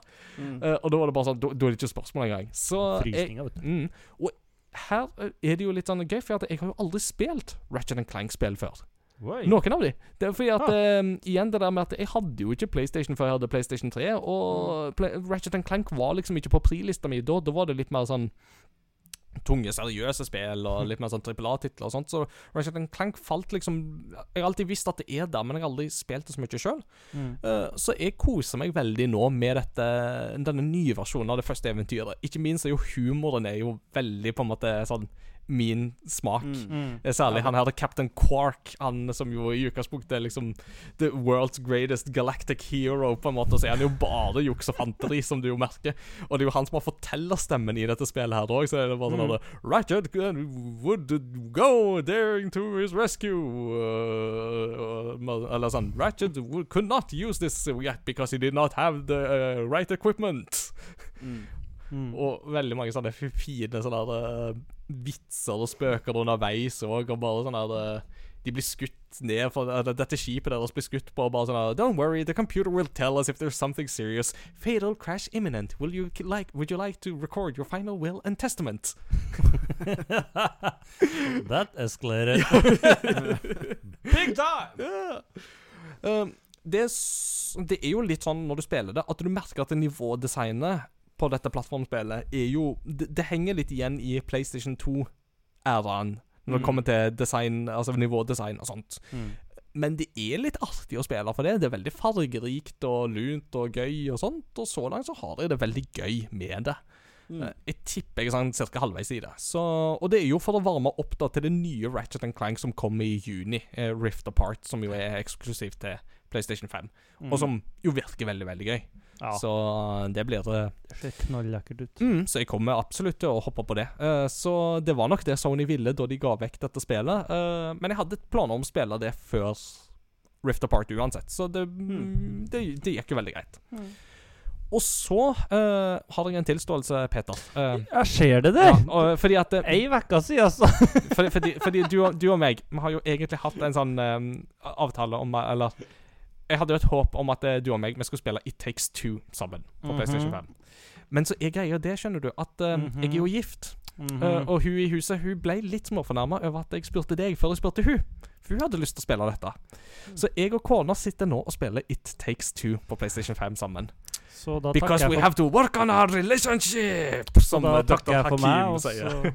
så, da takker jeg for meg, og så snakkes vi. Ja, men, men men, men, ja. du, du vil jo ha noe å spille i lag med de kona, så kanskje dette er Ja, det Ja. Ellers så er jeg veldig klar for å spille dette igjen, da. For. It Takes Two er kjempegøy. kult. Nå skal jeg ikke snakke veldig masse om det for å avsløre ting for stakkars Peter her. Takk. Men jeg må jo gi noen indikatorer på hva det er for dere. Eh, Mm. Dette er jo da det nyeste spillet til Josef Fares. eh, mannen som jo lagde A Way Out og Brothers, A Tale of Two Sons. Og Mm. tidligere har laga filmer som Jalla Jalla og Cops. eh, og som jo hadde denne fantastiske FD Oscars-ranten på Game Awards eh, for noen år siden. Han er en Altså han, han er jo en skrue, for han sier akkurat det han mener. Uh, han er liksom sånn der no filter. Uh, jeg tror han hadde vært veldig slitsom å ha som venn, men Mm. det er litt sånn forfriskende å ha sånne typer også, som er liksom bare sånn totalt udiplomatiske. Uh, selv om jeg liker når ting er liksom by the book da, og litt sånn protocol, så er det av og til litt gøy med rebellene òg. Vi, vi må ha de òg i livet. Mm. Um, A Way Out var jo da et spill som du og meg, Petter, spilte i lag. Og det som jo var veldig spesielt med det spillet, er jo det at det må du spille med en annen person. Det er kun coop. Mm. Du kan ikke spille det alene, med mindre du er Sakurai, eh, Ja, som er sitter med to kontroller ja. og kan spille Super Smash Bros. alene, liksom. dobbelt. Mot seg sjøl. For en mann. Eh, ja, ja, ja. Så It Takes Two det følger liksom opp på liksom den samme tonen. Og A Way Out bar jo litt preg av liksom at historien var litt sånn B-filmprega, og det var liksom, hadde liksom noen svakheter og litt sånn. Sykehus... eh, eh, Men sykehusscenen var jo amazing, Oh ikke sant? Ja. Tenk nå et spill på sånn 12-15 timer med kun sånne scener. Så har du It Takes Two. It Takes Two, det er hands down det beste Josef Fares har vært med på å lage. Jeg syns det er bedre enn Brothers så langt, iallfall. Nå skal det sies at Brothers traff ikke meg så mye som jeg vet at det har truffet veldig mange andre. Mm. Jeg har full forståelse for at Altså Hadde jeg spilt i dag igjen, så hadde det nok truffet meg mer emosjonelt, fordi jeg er blitt mer en følsom type. Mm. Uh, men It Takes Two er definitivt det spillet jeg har kost meg mest med på første gjennomspilling av Josef Fares. Mm. Uh, du spiller jo da en historie der du har et ektepar, Cody og May, som har en datter som heter Rose. Og Cody og May de har funnet ut at de skal egentlig skilles. Eh, de, de bare krangler, og de har det ikke bra sammen lenger. Eh, og dattera syns jo dette er fryktelig trist, naturligvis. Som jo Altså, en skilsmisse er jo, er jo ikke bra. Eh, altså, det er situasjoner der en skilsmisse absolutt kan være nødvendig, men det er aldri kjekt med en skilsmisse. Mm. Det må vi kunne si. Og det så, så hun, Rose hun har da laga to dokker av foreldrene sine. Hun har laga pappa i leire, og så har hun laga mamma i tre. Og så liksom sånn 'Å, nå blir vi venner igjen', og så liksom leker hun at de liksom blir glad og fornøyd, og så er det litt sånn og så, og så feller hun en tåre uh, som detter på disse dokkene. Og før vi da vet ordet av det, så har da mamma og pappa, eh, Cody og May, blir gjort om til disse dukkene. Yeah. Uh, og idet de liksom prøver å finne ut av hva de skal gjøre for å bli uh, friske av dette, her, så kommer da eh, Dr. Hakim, eh, The Book of Love.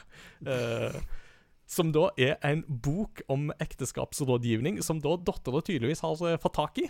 Eh, og Dr. Hakim er jo da en uh, pussig skrue, because uh, it talks like this, uh, kind of like a Spanish, Mexican, uh, French guy, and uh, you have to work on your relationship. Og så han skal liksom lære de uh, collaboration. Og tvinge de rett og slett til å på en måte lære seg å samarbeide for at uh, liksom ekteskapet skal bli bra igjen, da. Eh, og nå er jo Cody og May de er jo blitt bitte små. De er liksom tommeliten-størrelser, så de må liksom forsere alle mulige slags terreng. Og det som jo gjør It Takes Two så gøy, er jo ikke bare det at det ser bra ut, og det er morsomt og alt, men det er jo det at det forandrer seg hele tida. Idet du tror at eh, Ja, sånn kommer spillet til å være, så nå, Nei, nå skal du spille på en helt annen måte. Og så Nå skal vi spille på en helt annen måte. Nå skal vi spille på en helt annen måte. Og så igjen og igjen og igjen, og igjen så er det liksom Det er som om de har tatt på en måte sånne der 40 Games in One-kassetter som du fikk liksom kjøpt eh, på sydenturer til Gameboy, og så har de bare laga It Takes Two ut av det. Kult. Det er en haug med forskjellige andre spill som er smasha inn i dette her. Og det er så gøy øh, å se den kreativiteten. Og så ser det jo nydelig ut, da. Det Mm. ser jo kjempebra ut på en PlayStation 5. Uh, det hakka bitte lite grann da vi starta det opp, uh, og det tror jeg bare skyldes at det holdt på å kjøre en oppdatering i bakgrunnen. Ja. Uh, for ellers hadde det bare kjørt silky smooth og Ja. Det er, dette er et spill som kommer til å være på mange Game of the Year-lister på slutten av året, tror jeg. Eh, det kommer definitivt til å være på min så langt. Det blir jo spennende å se hvor det, dette slutter. Eh, men eh, både jeg og madammen har det veldig, veldig gøy. Eh, ikke minst de gangene vi av og til ødelegger litt for hverandre, sånn at den andre får litt vondt, og det er liksom sånn at det bare blir litt morsomt. Når du får den der skadefro-varianten, Mm. vet du. Så, sånn som i Rayman, for eksempel. Rayman Legends og sånn, når man driver på klasker på hverandre og sånt. Mm. Det er liksom litt den moroa, da. Dere høres ut som et ektepar. Oh, wait. Oh, oh, oh. We are working on our relationship with Dr. Hakim, The Book of Love. Som jo da uh, um, Motion capture-artisten til Dr. Hakim, The Book of Love, er jo Josef Fares sjøl. Så det er ikke han som har stemmen, men det er han som har motion capture-arbeidet. Oh, så han har bidratt. Kult. Så det er Det er kult. veldig gøy. Så det blir nok mer It Takes Two uh, neste to ukene. Og ja. Og eh, Peter, hvis du ikke får med kona på det, så er jeg lett med på å spille det igjen. Takk. Men eh, jeg, jeg må først si at jeg ikke har noen som kan spille med meg. Så prøv å overtale litt ekstra. Vi ser. Dere ser. Dere kan få låne en kontroll av oss hvis dere trenger det. Jeg har to. Du har to. Ja, men da er det jo Ja. Du kjøpte hele Play- PlayStation, så da hadde jeg råd til en til. Ja, ikke sant. Så jeg sa til Annika at jeg ville spille med hun. Så måtte vi ha to. Og jeg, eh, og jeg brukte bare dette som en god unnskyldning til å kjøpe en eh, PlayStation 5 håndkontroll nummer to. Mm. Så Ja. Mm. it's a win-win. Hvorfor ikke? Hvorfor ikke?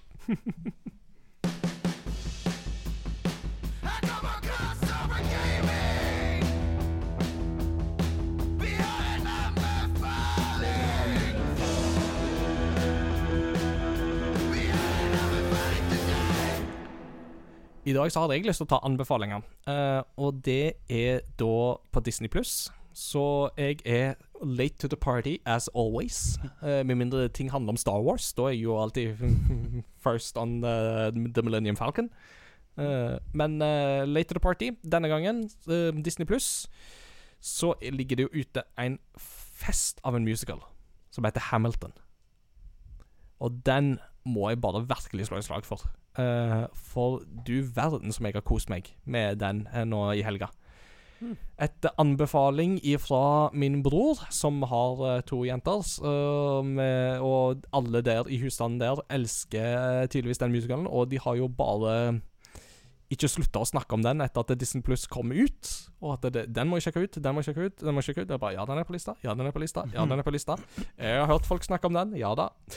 Uh, nå skjønner jeg hvorfor. For det er en musical som er veldig annerledes fra alle andre musicals, på mange måter. For det er så integrert Altså Bare på en måte den musikalske stilen. Det er så mye bruk av på en måte hiphop og R&B-elementer og sånt i dette her, i tillegg til det klassiske musical, sånn som jeg kjenner det. Eh, og dette da for å fortelle historien om en av The Founding Fathers, eh, Alexander Hamilton. Mm. Så epokemessig og sånn, så gir det jo på en måte ikke mening at det skal være på en måte den, den der hiphop R&B-framstillinga eller sånt, men det, det, det bare funker så utrolig bra. Mm. Og så er se scenearbeidet i den versjonen som ligger på Disney Pluss, er helt amazing. Altså En del av disse sceneeffektene som de bruker, uh, måten de på en måte bruker roterende scenegolv, f.eks., parallelt med slow motion når noen blir skutt, f.eks. Eh, skaper en sånn det skaper jo nesten en sånn Matrix-effekt, vet du, der på en måte kameraet spinner rundt. Mm. Uh, det er så stilig. Og så er jo musikken er jo en fest, og sku, de, de skuespillerne òg på scenen òg er så dyktige at det er Her er det bare å uh, put your hands together for, for Hamilton, altså. Det er Alt du har hørt av lovord om den musicalen, stemmer. Uh, har du Disney Pluss, sett den på lista, for den er Kult. To timer og 40 minutter går som en røyk. Det var Ja. Rått. Mm. Så det, det er min anbefaling today. Til deg. For dette er en hebreke pachinko-kontroller til Super Nintendo. It's curiosity. What are you gonna show to me? It's curiosity. What a neat thing to know. It's curiosity. What are you gonna show to me? I haven't even heard of it. What a neat thing to know. It's a great part of the show. Kuriositet, Mats Jakob. Da lurer jeg på Hva kan du diske opp med denne gangen? Mm. Uh, nå har vi jo Nå har jeg en juksekuriositet. Uh. Uh, for hvis du juksa mens du spilte Doom på Sega 32X Og ja, jeg snakker til dere to som gjorde dette. uh, så når spillet uh, er ferdig, istedenfor at siste cutscene kom, så, ko så kommer det da opp et bilde som er da Ser ut som om det er masse feilmeldinger i DOS. Ja. Så det ser ut som at du har shotgunen foran deg, men det kommer bare opp sånn DOS eh, feilmeldinger. Mm. Og det er ikke noe eneste måten å komme ut av det på, er å resette maskinen og begynne game på nytt. Eh, så det er en slags sånn falsk ending som får deg til å tro at det har det, Altså, tanken må jo ha vært at de skal få folk som jukser, til å tro at eh, Oi, her skjedde det noe feil. Eller jeg har juksa, derfor så ble det korrupta, det den save-fila, eller kanskje til og med hele spillet. Mm. Mm. For det er jo eh, Til å være et kassettbasert spill At det skal plutselig boote opp DOS Da Enten så går det noen sånne Er det noen sånne red flags Eller så Uh, Jeg vet ikke Jeg bare ser for meg noen har trodd at liksom Oi, shit, kjører Sega 32X-en min på DOS? Ja, det er virkelig en direkte port av PC-versjonen Fordi den har innebygd DOS DOS Det er DOS-boks i Nei. Jeg syns det var en ganske gøyal måte å calle ut uh, cheaters på. Ja, og tenk det at dette problemet går så langt tilbake at vi, da måtte vi uh, ta tak på selveste Sega 32X. Så eh, det Nei. Mm.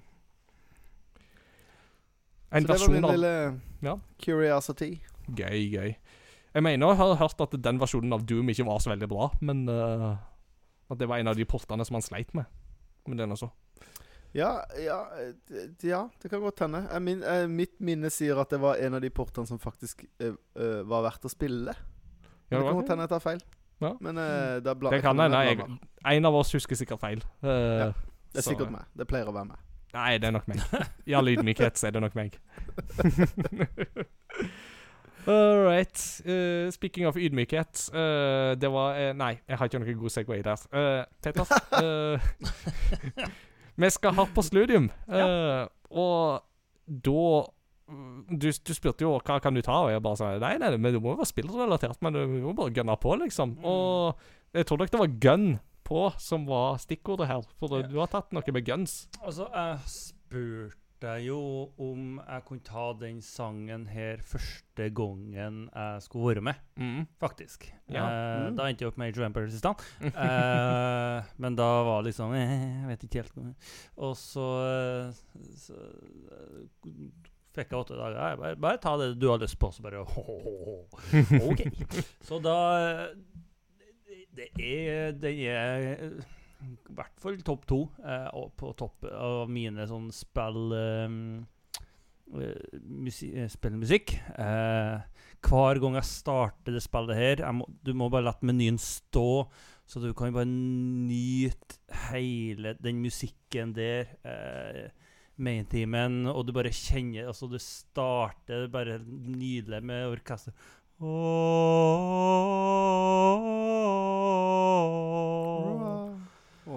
Og det bare sånn åh, Og så kommer gitaren inn, og tromming av gitar. Det er så bra! Så, mine damer og herrer, nå kommer den endelig etter altfor lang tid. Jeg har venta på det. Main team fra Halo. Yes, nemlig. Uh. Halo Main Theme fra Ma Martin O'Donnell og Michael Salvatore. Legendarisk. Nydelige greier, altså. Jeg, jeg må bare skyte. Jeg trodde du tulla når du begynte å synge nå. For eh, jeg har tydeligvis mer kjennskap til Ace Ventura enn jeg har til Halo. For han synger jo Alrighty then.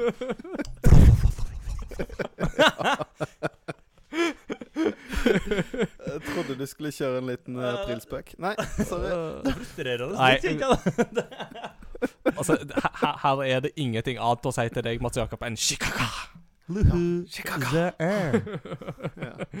Shikaku. Chicago. Chicago. Da. Det, men jo, ny, nydelige greier. Og hvem skulle tro det at en hel generasjon av Xbox-spillere skulle få dilla på gregoriansk sang, mm. uh, basically takket være Halo? Det Mm. It's a miracle, basically. Mm. All right. Ja, Øh, neste episode, da er du vekke på tur, Peter. Så da må vi jo finne en vikar til deg, men det skal vi klare, vet du. Det skal vi absolutt få til.